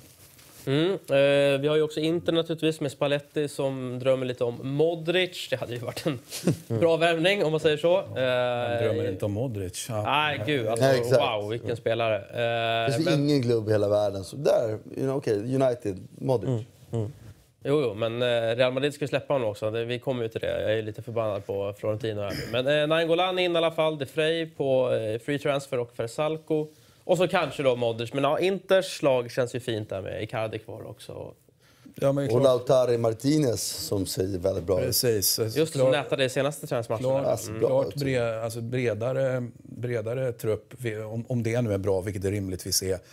Samtidigt kan man ju fundera på det de råkade ut för förra, förra säsongen, Inter, den här till synes oförklarliga liksom, hjärtstilleståndet eller vad det nu eller hjärnstilleståndet mitt i säsong. Eh, försvinner det per automatik med, med, med en bredare trupp eller en snäppet bättre trupp? Ja, det, jag vet inte, det kanske gör det. Eller så, eller så är det, finns det någonting inuti där, Inter och Spalletti, som gör att de kan råka ut för precis samma sak igen. Då. Och, då, och, och råkar de ut för samma sak igen, då är det ju ingen ligatitel där inte. Kan vi, kan vi på något sätt utkristallisera eh, en tydlig utmanare till Juventus här? Eller är det hyggligt liksom... Jag håller, jag håller nog Inter som den, den som borde vara rimligast att vara där. Uh, I och för sig tycker jag ju att, att, att, jag tror ju så hårt på Monchi ändå. Så att Cristante och, och Kluivert och Pastore, det kommer säkert blomma ut där ur det. Men vad Inter saknar tycker jag är... Eh, Brozovic är bra, men han är tycker jag, lite för ojämn. Men han är bra nog att Men spela. han var jämn mot slutet på säsongen. Absolut. Och han är bra nog för Han var bra under VM. Ja, men VM... Vet. Jo, men jag menar att han, han har ändå, eventuellt har han hittat en nivå Eventuellt. här. Och Jag håller med. Och den högsta nivån är definitivt bra nog för att vinna ligatiteln med. Så jämnar han ut det så är han bra nog. Men det är inte Gallerini i min värld. Där måste de få in någon bättre. Och Vesino är inte heller det. Så att Modric hade, med Modric in så hade jag hållit dem som, som, en, eh, som en klar konkurrent. Det finns ju i dagsläget ingen... Det ska inte vara ett lag som konkurrerar med Juventus. För Juventus har gjort i snudd på ett perfekt fönster. Det, skulle, det är inte stängt ännu, men jag ser ingenting, jag ser ingenting de saknar. Liksom. Dessutom finns det ju en spelsystemdiskussion i min värld i alla fall när truppen ser ut som den gör i Inter. Att, att, eh, för, för nu ser ju eh, Lautaro Martinez, han ser för bra ut för att inte få hyfsat mycket speltid. Och, då, och, och det känns som att han och Icardi är, är ganska kompatibla. Men då är det helt plötsligt två anfallare från att de inte har spelat med två anfallare på ett, på ett tag. Då. Så att, eh, det ska bli intressant att se hur Spalletti hanterar det där med eh, just spelsystemet. Om han ändrar någonting. Rimligt, rimligtvis behåller han väl... eh, Det har till och med varit prat om att han skulle vara sugen på en tre, trebackslinje men det har, det har jag svårt att se att han ska vara. Så rimligtvis är det ju fyra eller bak. Men kanske, och, och så någon ändring där framåt. För att, eh, jag tror La- Marti- Trebackslinjen för? Det har ju Ja, spelat vet. tidigare lag. Och Ja, men, tror, tror, men då har de ju helt plötsligt inte tillräckligt många spelare. Miranda, De Vrij, Skriniar. Ja, om de ska ha sex då, typ. Om det nu ska Ja, men du kan ju spela enskilda matcher när de tre är friska. Ja, ja, vi får se vad som händer. Jag börjar nästan Jag gråta när jag läser den här Halilovic. Jag som följer Las Palmas. Så jävla dålig. Jag har aldrig sett en spelare på den nivån som har så dålig speluppfattning. Lyckas den här snubben i Milan, då kommer jag eh, äta upp alla hattar jag äger kan jag säga.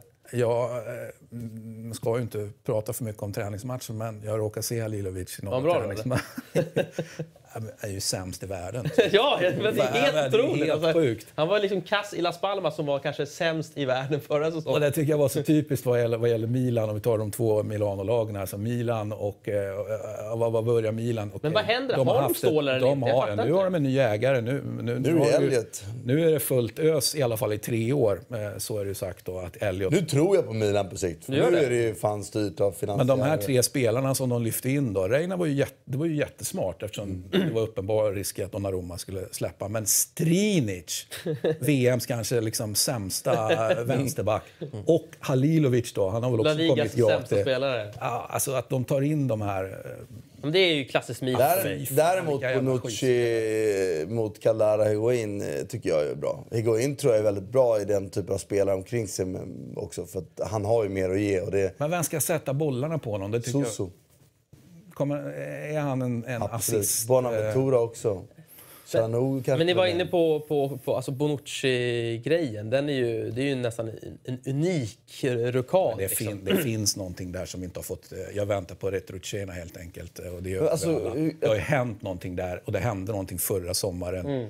Som inte var schismen mellan Allegri, alltså den eh, publika schismen så att de, de käftade med varandra på när, när han stod vid sidan om Allegri och, och det var brinnande match och Bonucci var på plan och de skällde på varandra. Det är så uppenbart att, att, det, att det var någonting, men det är någonting mer. Frågan är bara vad det mer var för någonting. Vi är lite överraskade över att eh, Juventus ändå då värderar Caldara så lite. Då, då, då, då tror de inte riktigt på honom.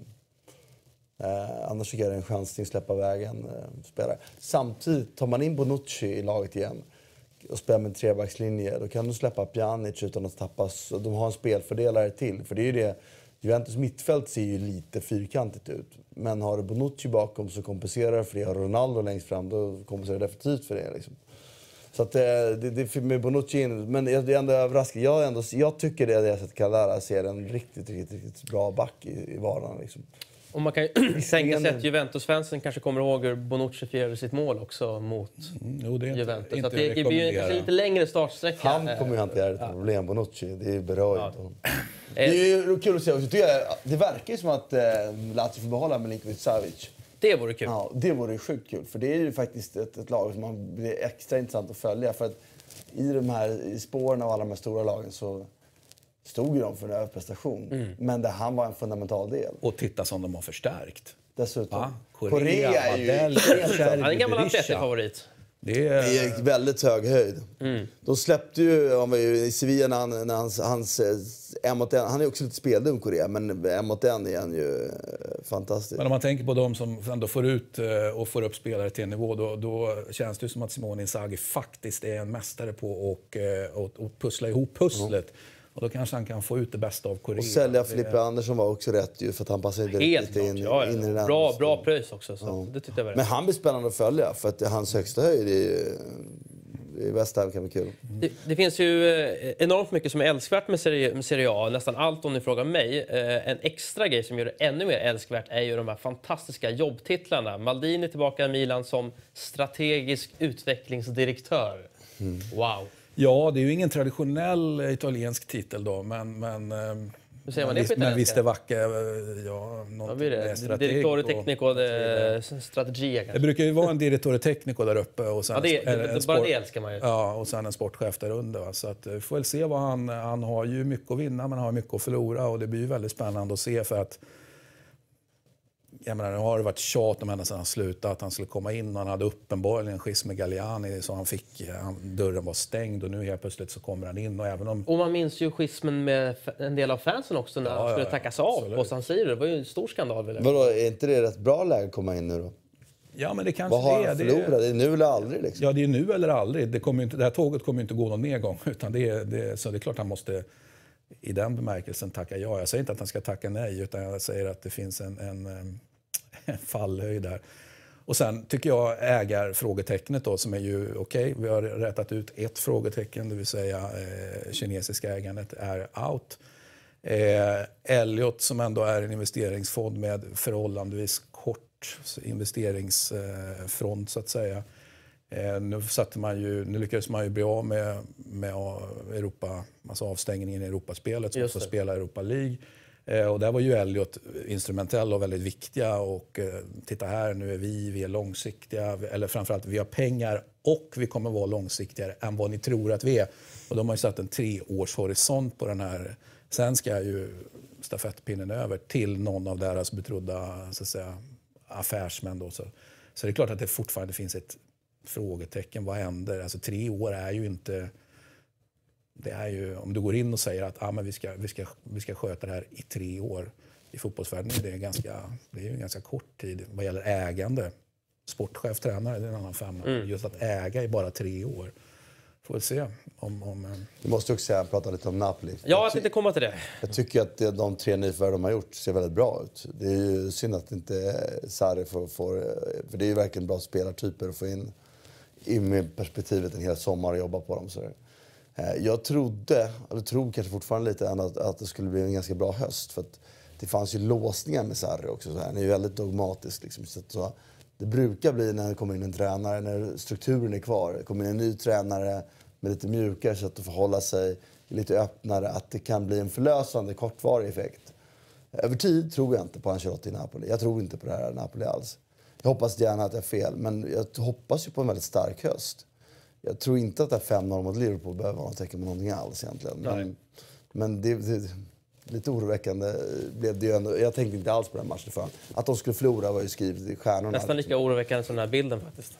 Ja, det är ju en väldigt, han, är, han är ju en väldigt speciell person. Ja, han har väl klippt eh, Bari nu också? Har han inte det? Exakt. Eh, Bari kursar ju som en av dem, det var, var ju inte ensam Serie B-klubb om att kursa och är därmed inte kunna spela Serie B nu. Men, men Barry var ju en av dem. Och, eh, han klev in och, och, vann den fighten. Det var ju många, många stora elefanter som var inne och, och fingrade där. Vi hade ju Ferrero var inne och fingrade i ett, Concordat, Preziosi var inne och fingrade i ett, Lotito var inne och fingrade i ett, eh, utkanten av ett annat fanns Kairo. Så att, mm, det är inte så att han var, ja, men han fick någonting som ingen ville ha utan han såg till att ta någonting som väldigt många ville ha. Och, eh, problemet eventuellt är ju att supporterna, Napoli-supportrarna var inte speciellt nöjda.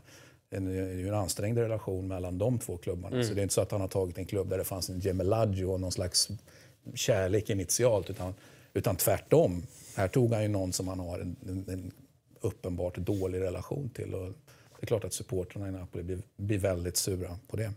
Ute och svingar var han också mot sin egen eh, hemmaplan, då, San Paulo, och säger att arenan ser ut som en toalett. Mm. och jag har varit där, jag kan instämma att den ser ut som en toalett. Jag är rätt, jag är rätt trött på den här diskussionen. Han sa, du har aldrig varit så rädd att den här arenan ska rasa ihop när jag suttit på den som när jag var på San Paulo?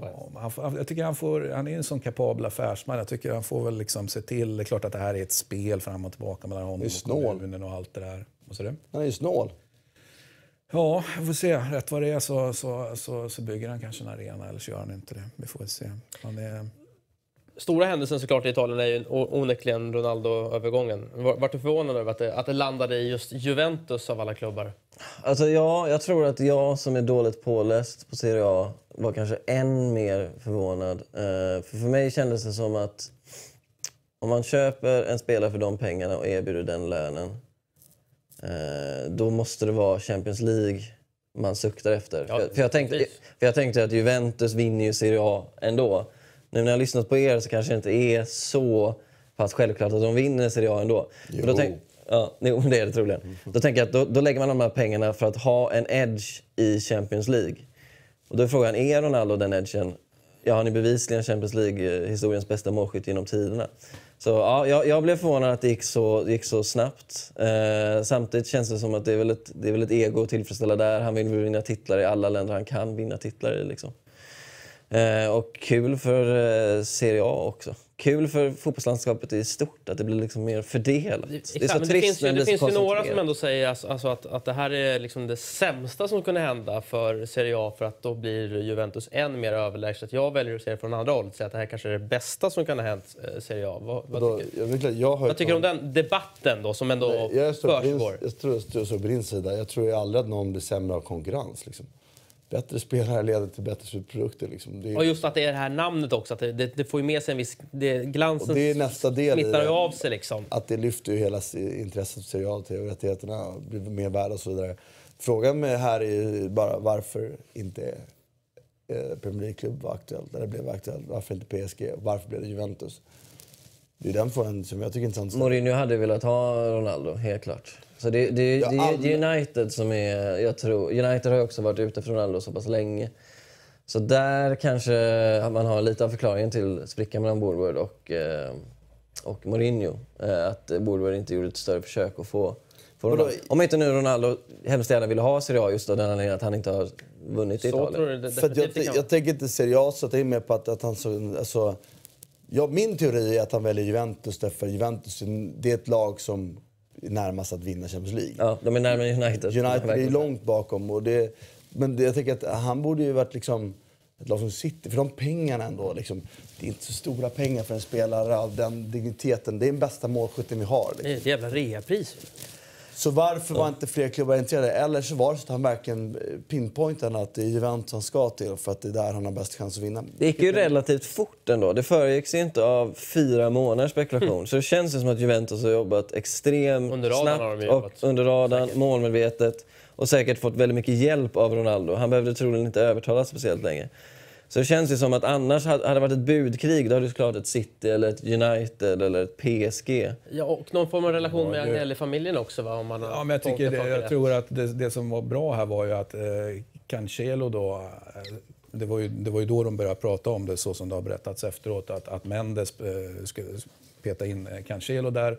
Och då är, som en del av den affären så börjar man prata om lite grann som när Bonucci lämnade förra året. Det, handlade om, det var ju också en annan... Då satt man och, och, och diskuterade förlängning för Bertolacci om jag inte kommer ihåg fel. Och sen, jo förresten, jag har ju den här spelaren också. Vi, vi, vi, vi kanske kan ha någonting där.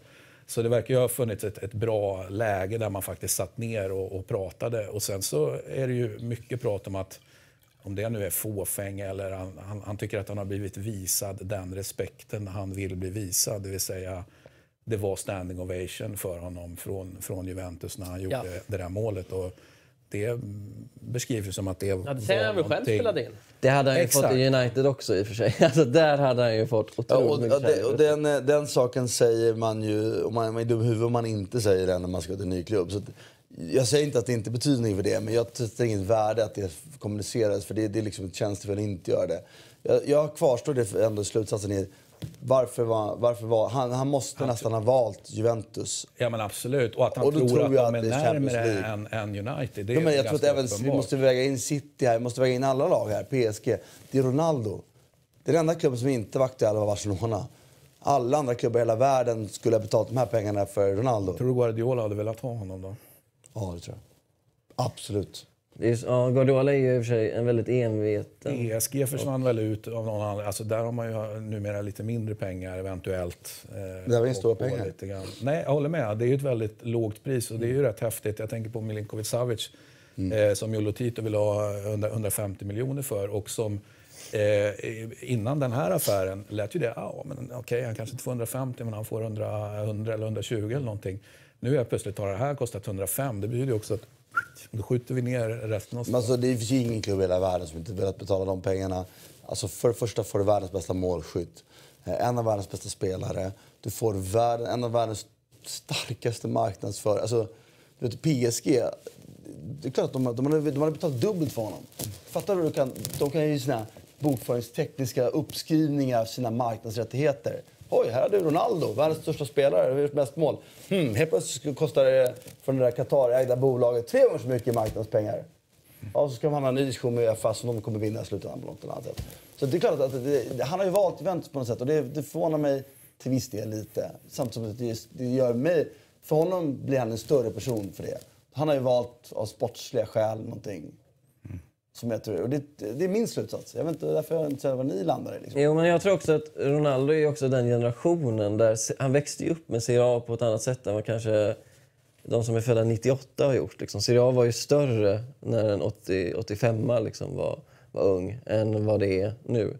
Så jag tror säkert det finns någon slags romantik för honom eh, som Serie A representerar som kanske inte Jack Wilshere har på samma sätt. Liksom. Eh, så det, det tror jag absolut spelar in. Men sen är frågan alltså så här, eh, det gäller ju att de vinner Champions League känns det som för att det ska vara 100% värt det för eh, Juventus? Juventus sportsligt i alla fall. Sen tar det ju alltid in eh, marknadsmässiga fördelar som man får av det. Det här var, det var ja, det är en affär man gör alla dagar i veckan skulle jag säga. Det är en miljard för en, du vet de betalar ju Higuain 90 miljoner euro liksom.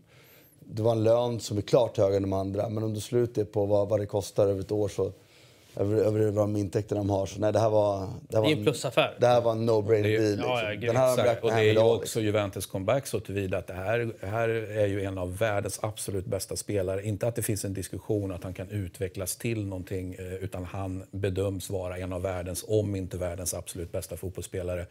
Eh, Juventus som har blivit sakta men säkert bättre under resans gång. Jag menar, vi pratade, du sa Higuain precis. Eh, när man köpte Higuain, ja, men det var ju inget snack om att Higuain var bäst i världen på något sätt. Nu helt plötsligt så är det världens bästa som man köper. Där har inte Juventus varit sen efter Calciopoli. Så här eh, måste kännas väldigt bra för, för Juventus-egot också. Att, att man faktiskt, vi kan faktiskt ta världens bästa spelare, på pappret bästa spelare.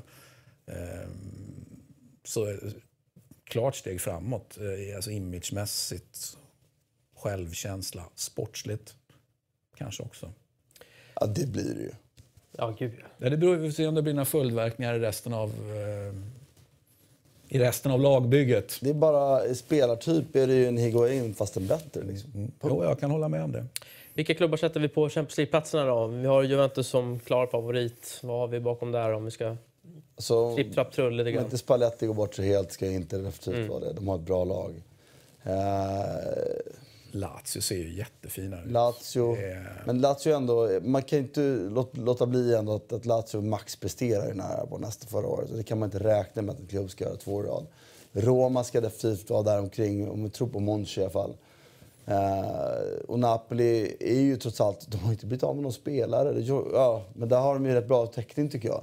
jag menar, Diawara har definitivt varit för bra för att stå på bänken egentligen i ett sånt lag. Så att de, egentligen har de blivit bättre, så Napoli borde vara där om inte Ancelotti gör bort sig helt. Så ska de vara med och slåss om Champions League-plats. Men hur, alltså om jag så får det är Milan som torskar då? Ja, men, och Milan Så tror ser jag på det. Nej, ja, men Milan tror jag ändå blir bättre i år. Jag tror att de gör en bättre säsong, men de har, de har inte en, en, en trupp som kan konkurrera med de andra fem. Det tycker Men får jag leka PL ett tag bara, om jag får sno din roll? Ja, visst. för jag, för jag, Kör jag, på. Jag tar en stor för jag, kör. Hur kännbar blir förlusten av Nangolan då? För de Roma-supportrarna jag känner är... Han hade väl han var stökgubbe va? Det är inte där Stö, han stö, gör att han stökig är- han ju, Det är men... något eh, vägs ände. Jag menar, han, han, om, jag kan tänka så här, om han hade varit en vinnare, om han fått ut max i Roma, jag tycker det var ett bra läge att släppa honom. Och, och, och så som jag ser också, så sättet som han, det stöket du relaterar till, det vill säga att vara aspackad och, och, och gå på sociala medier och allting. Eh, Sällan en bra kombination. sällan en bra kombination. Framförallt inte i ett, i ett Roma som, som då anser sig vara bäst i världen på det här med digital kommunikation. Det har ju varit en käpphäst liksom sedan dag ett för när amerikanerna klev in. Inte minst sen, sen saker och ting gick över till Palotta. Eh, det där är inte ett sätt som, som Palotta och, och inte Monchi heller för den delen eh, liksom uppskattar. Jag tycker det där två ben, fylleriet, redan där kunde man säga att ja, men, han skulle bort bara av den anledningen för att det passar inte den lite mer välkammade am- amerikanska stilen. Två, de har fan mig fått ut max av honom. Jag, jag, jag tycker, sen kan man alltid diskutera priset om det, de skulle haft ännu mer eller inte. Det vet inte jag. Men, nej, bra, bra försäljning. Kul blir det med Serie A naturligtvis. Eh, vi tar en liten kort avstickare till eh, La Primera Division.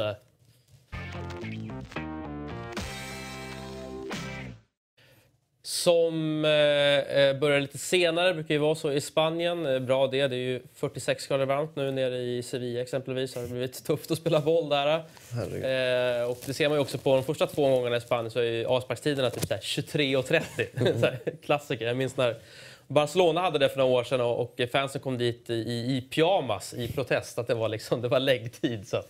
Men det får man göra när det är varmt. Eh, och jag då som följer Real Madrid då, ännu mer nu när mitt kära Las Palmas tyvärr har åkt ur så blir man ändå lite så här att det, det händer inte så mycket i Real Madrid-lägret faktiskt. Eh, Är inte det lite coolt ändå? Liksom? Ja, det kanske är det. För det har ju Eh, inte hänt så mycket de senaste åren. Nej, det hände ju, inte, hände typ ingenting förra året heller Ja, egentligen. men det är ju hur många år tillbaka som helst Ja. egentligen. Så och på på tal om kontinuitet har ju uppenbarligen fungerat i Real Madrid. Så att, men nu är det ändå Zidane och Ronaldo out och då blir det ändå det blir en rejäl nystart. Nu såg jag senaste matchen, här, träningsmatchen eh, mot eh, Juventus. Blev väldigt förtjust i, i Vinicius då, som hoppade in. Jag fick så kraftiga eh, Robinho-vibbar. Robinho var ju typ bäst i världen första fyra omgångarna när han kom till Real Madrid. Sen så upptäckte han nattlivet och så, så blev det som det blev.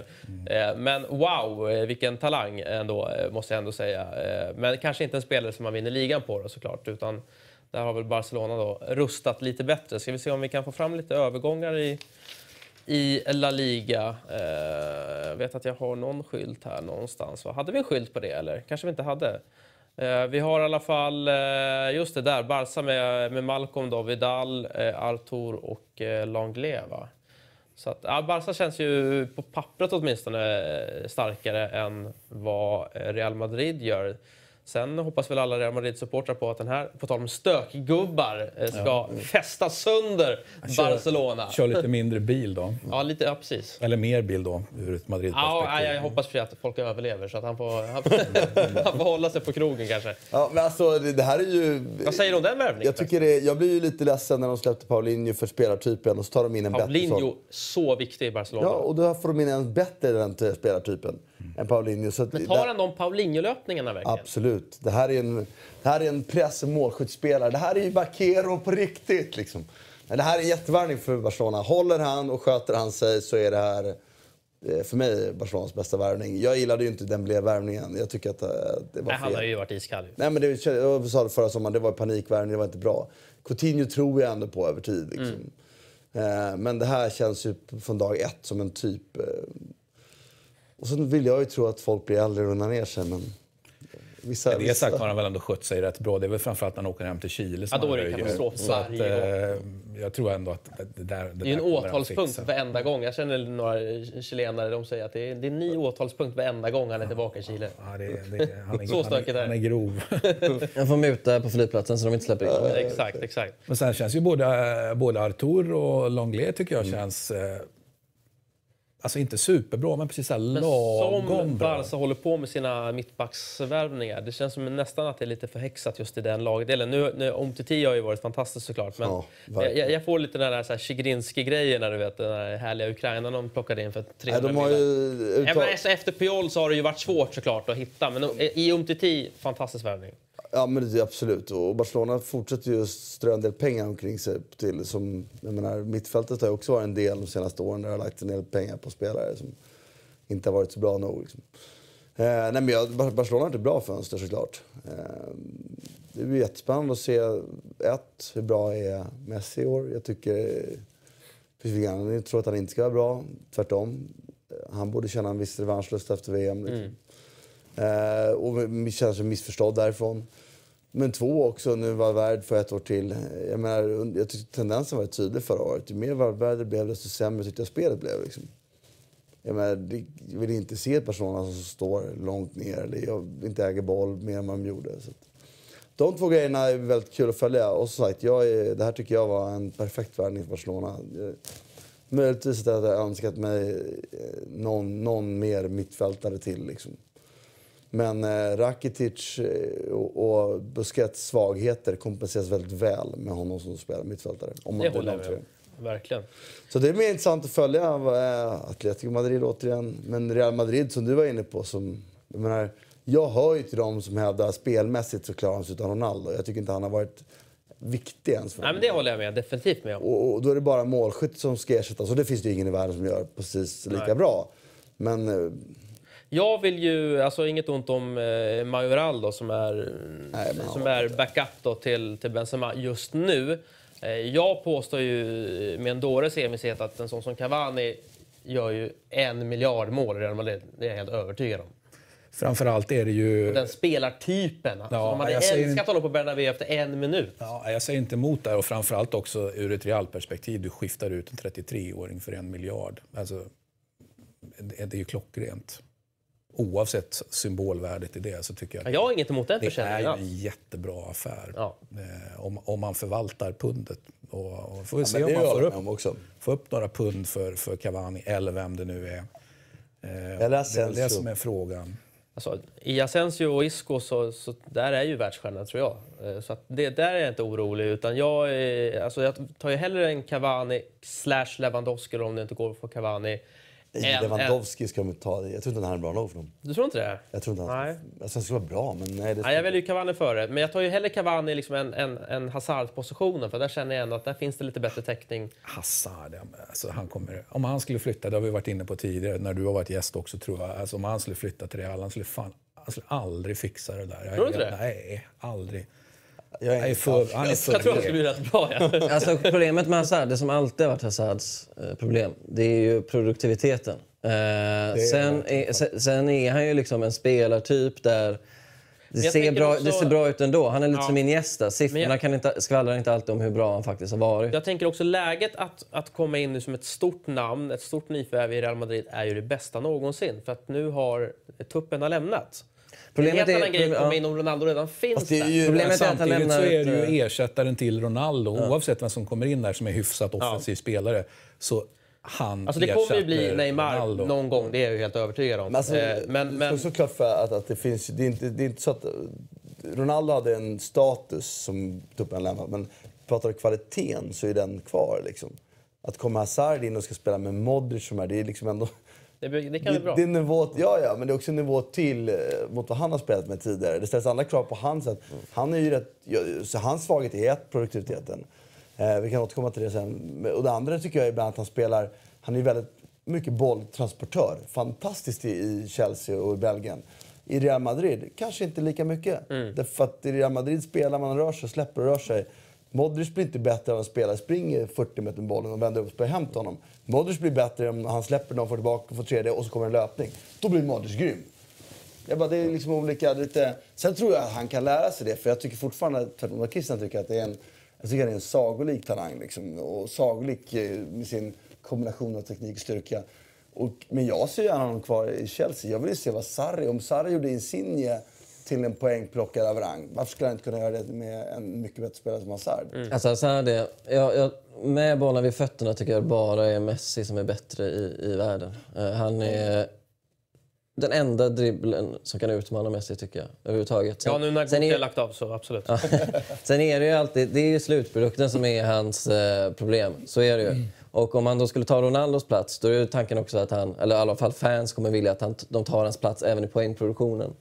Och det, det skulle han liksom inte göra. Hans bästa säsonger, då är det liksom, ja men det kanske är 10 mål och 10 assist liksom. Eh, Hazards position i, i Chelsea är ju väldigt intressant ju. Eh, för det känns som att han vill se en, en, en uppryckning av laget i stort. Att det ska leva upp till hans talang. Eh, faktiskt. Sen, sen, jag, alltså, jag är ett Hazard-fan. Eh, jag tycker han är eh, så pass bra. Han, jag tycker han är bra nog för att spela för vilket lag som helst. Sen kanske det skulle vara mest tacksamt att gå in och fylla Ronaldo. För de, de poängen har han inte. Nej. Begåvningen har han, men poängen har han inte. Ja, jag, jag håller eh, Barcelona som klara favoriter. Jag skulle nog säga att Atleti kanske just nu är ett lite större hot än vad Real Madrid är. Eh, Om man ska kolla krasst på det så, så kommer ju ändå Atleti före Real och, och Real har tappat Zidane och eh, Ronaldo. Så att jag eh, sitter och väntar lite på att Florentino ska öppna plånkan eh, som man brukar göra här typ vart tredje år. Så vi får se vad det landar i. Eh, men att Barcelona är superfavoriter, det kan vi väl slå fast? Eller? ska ju fortfarande hända grejer de här sista veckorna på, det på det. Mercato. Jag tycker en, en, vi pratade, en av de sista programmen under våren så pratade vi om att det skulle bli spännande att se Raiolas sommar. Eh, det enda- Ja, det har inte hänt så mycket med Det enda vi har sett Raiola är ju att han, att han har flyttat eh, Klöver till Roma. Det är typ, typ det enda han har gjort. Mm. Va? Eh, annars de, Skön sommar. de tunga pjäserna som han skulle flytta på, det vill säga Donnarumma, Pogba då, eh, kanske. Eh, Verratti eh, vet man ju att Verratti vill flytta i alla fall, men det kanske man får vända, vänta någon Balotelli. till. Balotelli. Ingen av dem sitter än. Eh, så det blir ju jävligt coolt att, att kolla vad Raiola... För att han kommer göra saker och ting. Klart han kommer göra. Det kan bli väldigt spännande där om Zlatan håller den här formen. Om han gör en Landon Donovan eh, och när, alltså när MLS har uppehåll tar en lånesession i Europa. Just det. För det känns ju ändå som att med tanke på hur bra han är nu skulle inte någon toppklubb vilja ta in honom på, på en lån. Han såg stark ut i alla fall. Jag såg en bild idag på Instagram där Mino Raiola står på hans rygg. Så det, det, det krävs en del. Det är en hel del kilo. Fast han verkar rätt soft när han åker ro- rollerblades Han på verkar- Venice Beach. Ja, verkligen, verkligen.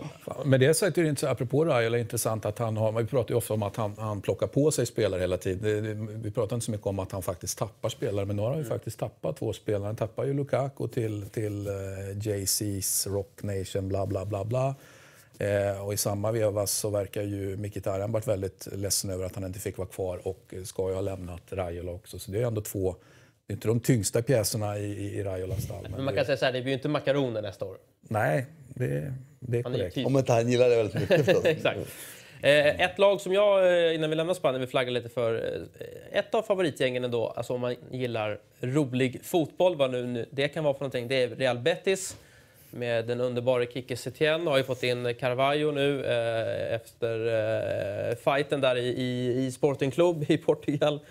Eh, så lyckas man ju ta Carvalho då. Eh, Betis är ett sånt där lag som har enorm kapacitet. Är den största klubben i Sevilla, det ska man inte glömma bort, sett till intresse och publik och sådär. Eh, Det är ett lag ni ska kolla på om det gäller att kolla på, eh, på en, på en ja, visionär eller vad man nu ska kalla Kike Setien för. Och kanske sista chansen med Kawaii också. Absolut. Men vad, håller du med om det när det kommer just till, till Betis? Ja, absolut. Hans sätt att spela fotboll är ju ingen ifrågasätta och han har haft otroliga resultat. Men eh, jag är också lite inne på att, att det var en maxprestation ändå förra året och det kommer krävas mer för att matcha den. Jag ser inte dem vara topp fyra liksom. Ja, sätter dem som Det är, fyra då. Ja. det är mer spännande spänd på vad Valencia kan göra. Som, Valencia, äntligen tillbaka lite grann också. Det gillar man ju också naturligtvis. för det är, ju- det är ju ett lag som på sikt kan utmana. Liksom. Vad kan den galningen få ett år till? Så länge han får in unga spelare som, inte, och som orkar med hans speciella karaktär, vad det verkar vara, så, så eh, finns det ju möjlighet. Alltså, de var ju bra förra året. De spelade ju Mycket, mycket fartfylld fotboll. Liksom, och från ingenstans, många vis. Alltså, de hade väldigt då, nu har de en, en grund att stå på. Så att det, det blir mer, mer spänd, eller mer spänd är jag inte, för det ska jag säga, men jag tror mer på dem, om jag ska vara ärlig. Och Sevilla, år två efter Monchi. Jag, tror, jag tyckte truppen förra året var bra. Får se nu vad som händer. Mm. Kul blir det. Eh, Och eh, just med Sevilla Betis ser jag fram emot också. Det var ju faktiskt kanske årets bästa match. Jag missade dem. 5-3-matchen där. Helt fantastisk. Det skulle jag säga var en av... jag fan att jag såg. Ja, den var så bra. Den var så bra. Jag kunde ha slutat Så 12-12 väldigt lite av den här den. matchen. Vi ska ta oss en liten sväng också till, det börjar bli varmt i studion nämligen, Yes. till, till Tyskland här bara också.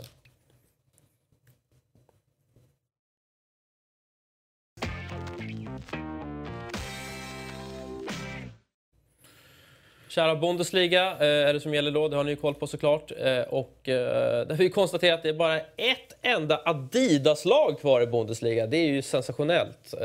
Här har vi alla tröjleverantörerna för övrigt.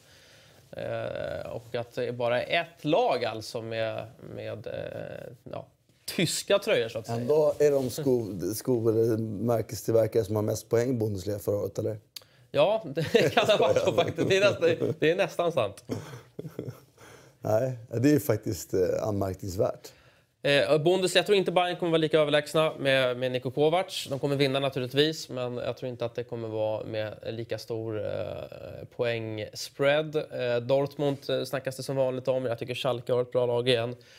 Eh, Isak eh, får vi väl se lite grann här nu vad som händer. Då. Det är ju Lucien Favre in som tränare. Han har spelat lite i träningsmatcherna. Kanske ändå är min känsla att det är bra med en utlåning här Det faktiskt. tror jag också. Dortmund har ju, alltså, det är ju strukturen, åldersstrukturen förutsatt att de har prickat rätt med många talangerna. Det, där finns det ju hela tiden en ett stor språngbrädeffekt som man väntar på lite. Ja, Jag och inte om kanske... Isak, men Isak är ju inte ensam tonåring och har köpt Nej, det. nej. De en- är ju jätte, Han är ju jättebra. långt före, men liksom, så det finns ju någonting där. Och tänk om, tänk om Marco Reus får spela en hel säsong.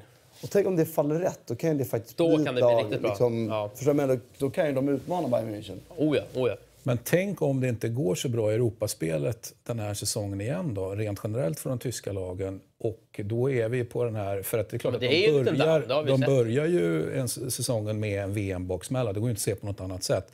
Va- va- Varenda litet tecken på att eh, Bayern är inte lika bra längre, tyska lag generellt är inte lika bra längre som de har varit, så kommer ju snacket vara eh, bara dundra, dundra, dundra, dundra. Det ska bli spännande att se just den dynamiken där. Det är ju tyskar bra på att hantera. Så ur det så får vi se någon superreaktion. Ja, det, vi får se. Och det är ju Bundesliga utan eh, kära Hamburg. Hamburg som inledde sessionen i Zweite Bundesliga hemma. Fullsatt 57 000. 0-3 mot Holstein Kiel. Det är alltså absolut värsta laget Hamburg kan torska mot är Holstein Kiel. Och Som- som 56 är en 000 på nordlig- läktarna va? Ja, som är en nordlig konkurrent då. Men eh, ja, Hamburg kan bli, kan bli stökigt kan jag säga i den där klubben. Eh, Albin är väl kvar där av någon konstig anledning. Han, ska han inte till Italien igen eller? Sporting pratades det väl om. Ja, men ja, på tal om stökigt. Ska man gå från Hamburg till Sporting? Det är, det är kanske inte det smartaste valet om man, om, man, om man vill undvika stöket då kanske. Det är alltid lite tråkigare fotbollssäsonger rent generellt när, när Jupp Heynckes inte sitter på någon tränarbänk kan jag tycka. Det, Det kan jag är med. tråkigt. Eh, Ja, och nu är det väl faktiskt sista gången. Eller ska vi tro Ja, att det Ja, kan nu, bli... han har sagt att det här är, det är över. Gubben är Det är gammal va? Om Kovac- Så Han tar bra över- som han är. Ja, ja, jag. Jag håller Han tar nog över Tyskland om Löw får sparken. Det Kanske, kanske, kanske. Om Niko han Kovac är dåligt då ifrån sig. Ja, liksom... Det är ju en defensiv tränare i grund och botten skulle jag säga. Ja, det ordning man och såg av reda. Frankfurt, men det kanske också var ett material som gjorde att, att han var tvungen att ha den approachen. Men eh, i Bayern så ska det ju underhålla ska jag säga. Det, det är ju lite Real Madrid och Barca-tänk där. Alltså. Han har ändå varit där och spelat, så det tror jag inte... att det är Han har ju koll på kulturen, ja. Men jag Absolut. tänker, det kan ju vara så att han går fel ändå. Eh, och då kanske vi ändå har Jupp tillbaka. Låt oss hoppas. Jag hoppas det går bra för Kovac också. Skön kroatisk eh, generation han tillhörde för övrigt. Om man gillar rolig fotboll också, vi snackade lite om Betis i Spanien. Werder Bremen är sånt där lag som också alltid är jäkligt roliga att kolla på. Nu är det både med Augustinsson och med Beijmo. Eh, Så att det är ju kul ur ett svenskt perspektiv. Augustinsson given. Jag tror att Beijmo nu har rätt goda chanser att få en del speltid också. Ja, han har ju rätt huvud för att hantera det där också. Eh, Så att, eh, jag jag planerar faktiskt en liten resa ner dit här under hösten. Veso-stadion är riktigt fint. Det borde fler svenska klubbar kolla på, för hur de har byggt upp sin struktur runt. Absolut. Det är mer rimligt än när man åker och kollar på de här superklubbarna i England. Där man bara, jo fast det är en annan värld. Liksom. Alltså Bundesliga överlag, det borde ju vara liksom bilden ur ett svenskt perspektiv. Att försöka liksom copy-pasta det, skulle jag säga. Jo, man kan titta, då, då kan man inte titta Bayern München och Dortmund. Nej, nej, nej, utan de här lite mellanklubbarna, mittenklubbarna, absolut. Som man borde kolla på. Bra, eh, det börjar bli lite hängigt här känner jag. Det är varmt här. Eh, Vi har hållit på i nästan två timmar. Eh, Det, det är eh, ju normalt program. Ja, jag, jag, jag vet. Jag vet. Eh, Frankrike, jag vet inte. Ja, Buffon till PSG. Eh, Guedes från Valencia har ju kommit in där också. Så att, eh, mm, eh, Men det är ju inte klart att Guedes blir kvar. nej, nej det, det är sant. Det är sant. Men eh, franska ligan överlag för mig, den, den känns ju... Ja, inte liksom superhet ur ett konkurrensperspektiv kanske. Men det blir spännande för det här PSG. Inte kanske i, i ligan, men i Champions League. För att det är ändå Tuchel. Ja, Hur Tuchel bra är- han? Och det är ändå ett material som, som är rätt bra. Liksom. Så att, eh, men visst, nej, det är lite tråkigt att konstatera att det, det, finns faktiskt ingen riktig konkurrens i år igen. Liksom. Sen tycker jag ju tycker det är spännande att se vad som händer med, med Vera i Nice. Faktiskt. Eh, och jag skulle gärna se Balotelli i OM. Det var Han är kvar liksom- än så länge va, i Nice va? Han Ja, han, han joggar ju vid sidan om. Han var, det var ju rätt lustigt, för, för det här var ju en affär som Jo, rapporterades mer eller mindre... han kontrakt? Ja, ja, Eh, ja, Det var ju en affär som rapporterades klar för en månad sedan, eller en och en halv. Det var ju liksom pang, bom, klart. Och, och jag tror, det var väl till och med så att Balotelli hade... Han väl till och med varit i Marseille, om inte jag kommer ihåg helt fel, och, och visat upp sig. Och, eh, kanske inte presenterats då, men ändå var... Balotelli känns väldigt mycket Marseille eller Napoli. Ja, jo, det, det gör han ju. Just nu pratas det ju mest eh, Parma och Torino faktiskt. Det vore ju inte utan att det vore lite häftigt att se honom i. Ja. Nej, Torino. nej, Häftigt vore det. nej. Hörrni, ska vi Det är ingen, avsluta, han och eh, Masarri skulle aldrig funka. ska vi avsluta Eurotalk med att tippa Champions League-vinnare då? Ja, det känns ju relevant Nej, men då kan man ändå säga så här... kan man Jag var, jag var först Men ändå jag, med jag rätt tips. chansade rätt. Ja. Ja, men vi, hade med betoning på chansning då. Men vilka, vilka vinner Champions League? Som det ser ut nu. Ett kul, eller kul, är, de är inte direkt underdogs, men eh, City kanske. De fick inte Ja, ut max. var De var ju så. Ja. otroligt, otroligt bra i ligan och lyckades inte förvalta det på riktigt samma sätt i Champions. Så det är City, Barcelona eller Juventus man pratar om. Det är väl topp tre just nu. Ja. Som det är just nu. Mm. Eh, men då säger jag av naturliga skäl eh, ändå Barcelona. I rest my case. Okej, fair enough. Och du då? City var min Ah, okej. första tanke. så. Men Sen är eh, sen är ju Real Madrid Real Madrid när det kommer till Champions League naturligtvis. Eh, men det kommer eh, krävas... Modric spelar Inter så blir det svårt. Ah, då, nej, då är det omöjligt skulle jag säga. Eh, nästa vecka då? Vi har ju, eller, nu i veckan har vi Eurotalk Weekend på torsdag såklart och sen på måndag. Budda, är Fjäll tillbaka då eller? Tillbaka från Skottland? Mm, nej. Är han inte det? Han är och simmar då? Okej, ja, ja, då får vi se vem som Kan han den simma? Det, han har ju vattenfobi, eller vad Ja, det? exakt. Han badar ju aldrig. Fiskar, men jag hatar också En fiskar. fiskfobi, så. Ja, just men jag, jag delar den fobin faktiskt. Och fiskar finns ju i vattnet. Mollusker badar gillar vi. inte? Ja. Nej, en enorm badkruka, ska, ska vi rätta. Eh, Pool såklart, men, men inte havet. Men det är en längre, det är en längre story. Eh, tusen tack alla tre för att ni kom hit. Tack. Eh, och eh, tack att ni har tittat såklart. Eh, följ oss eh, vidare under veckan. Eh, våra övriga produktioner naturligtvis med Allsvenskan Fantasy, 08 Fotboll och Eurotalk Weekend. Och sen så är det här programmet tillbaka igen om en vecka. Så att, eh, då hoppas jag att ni sitter där igen. Ciao!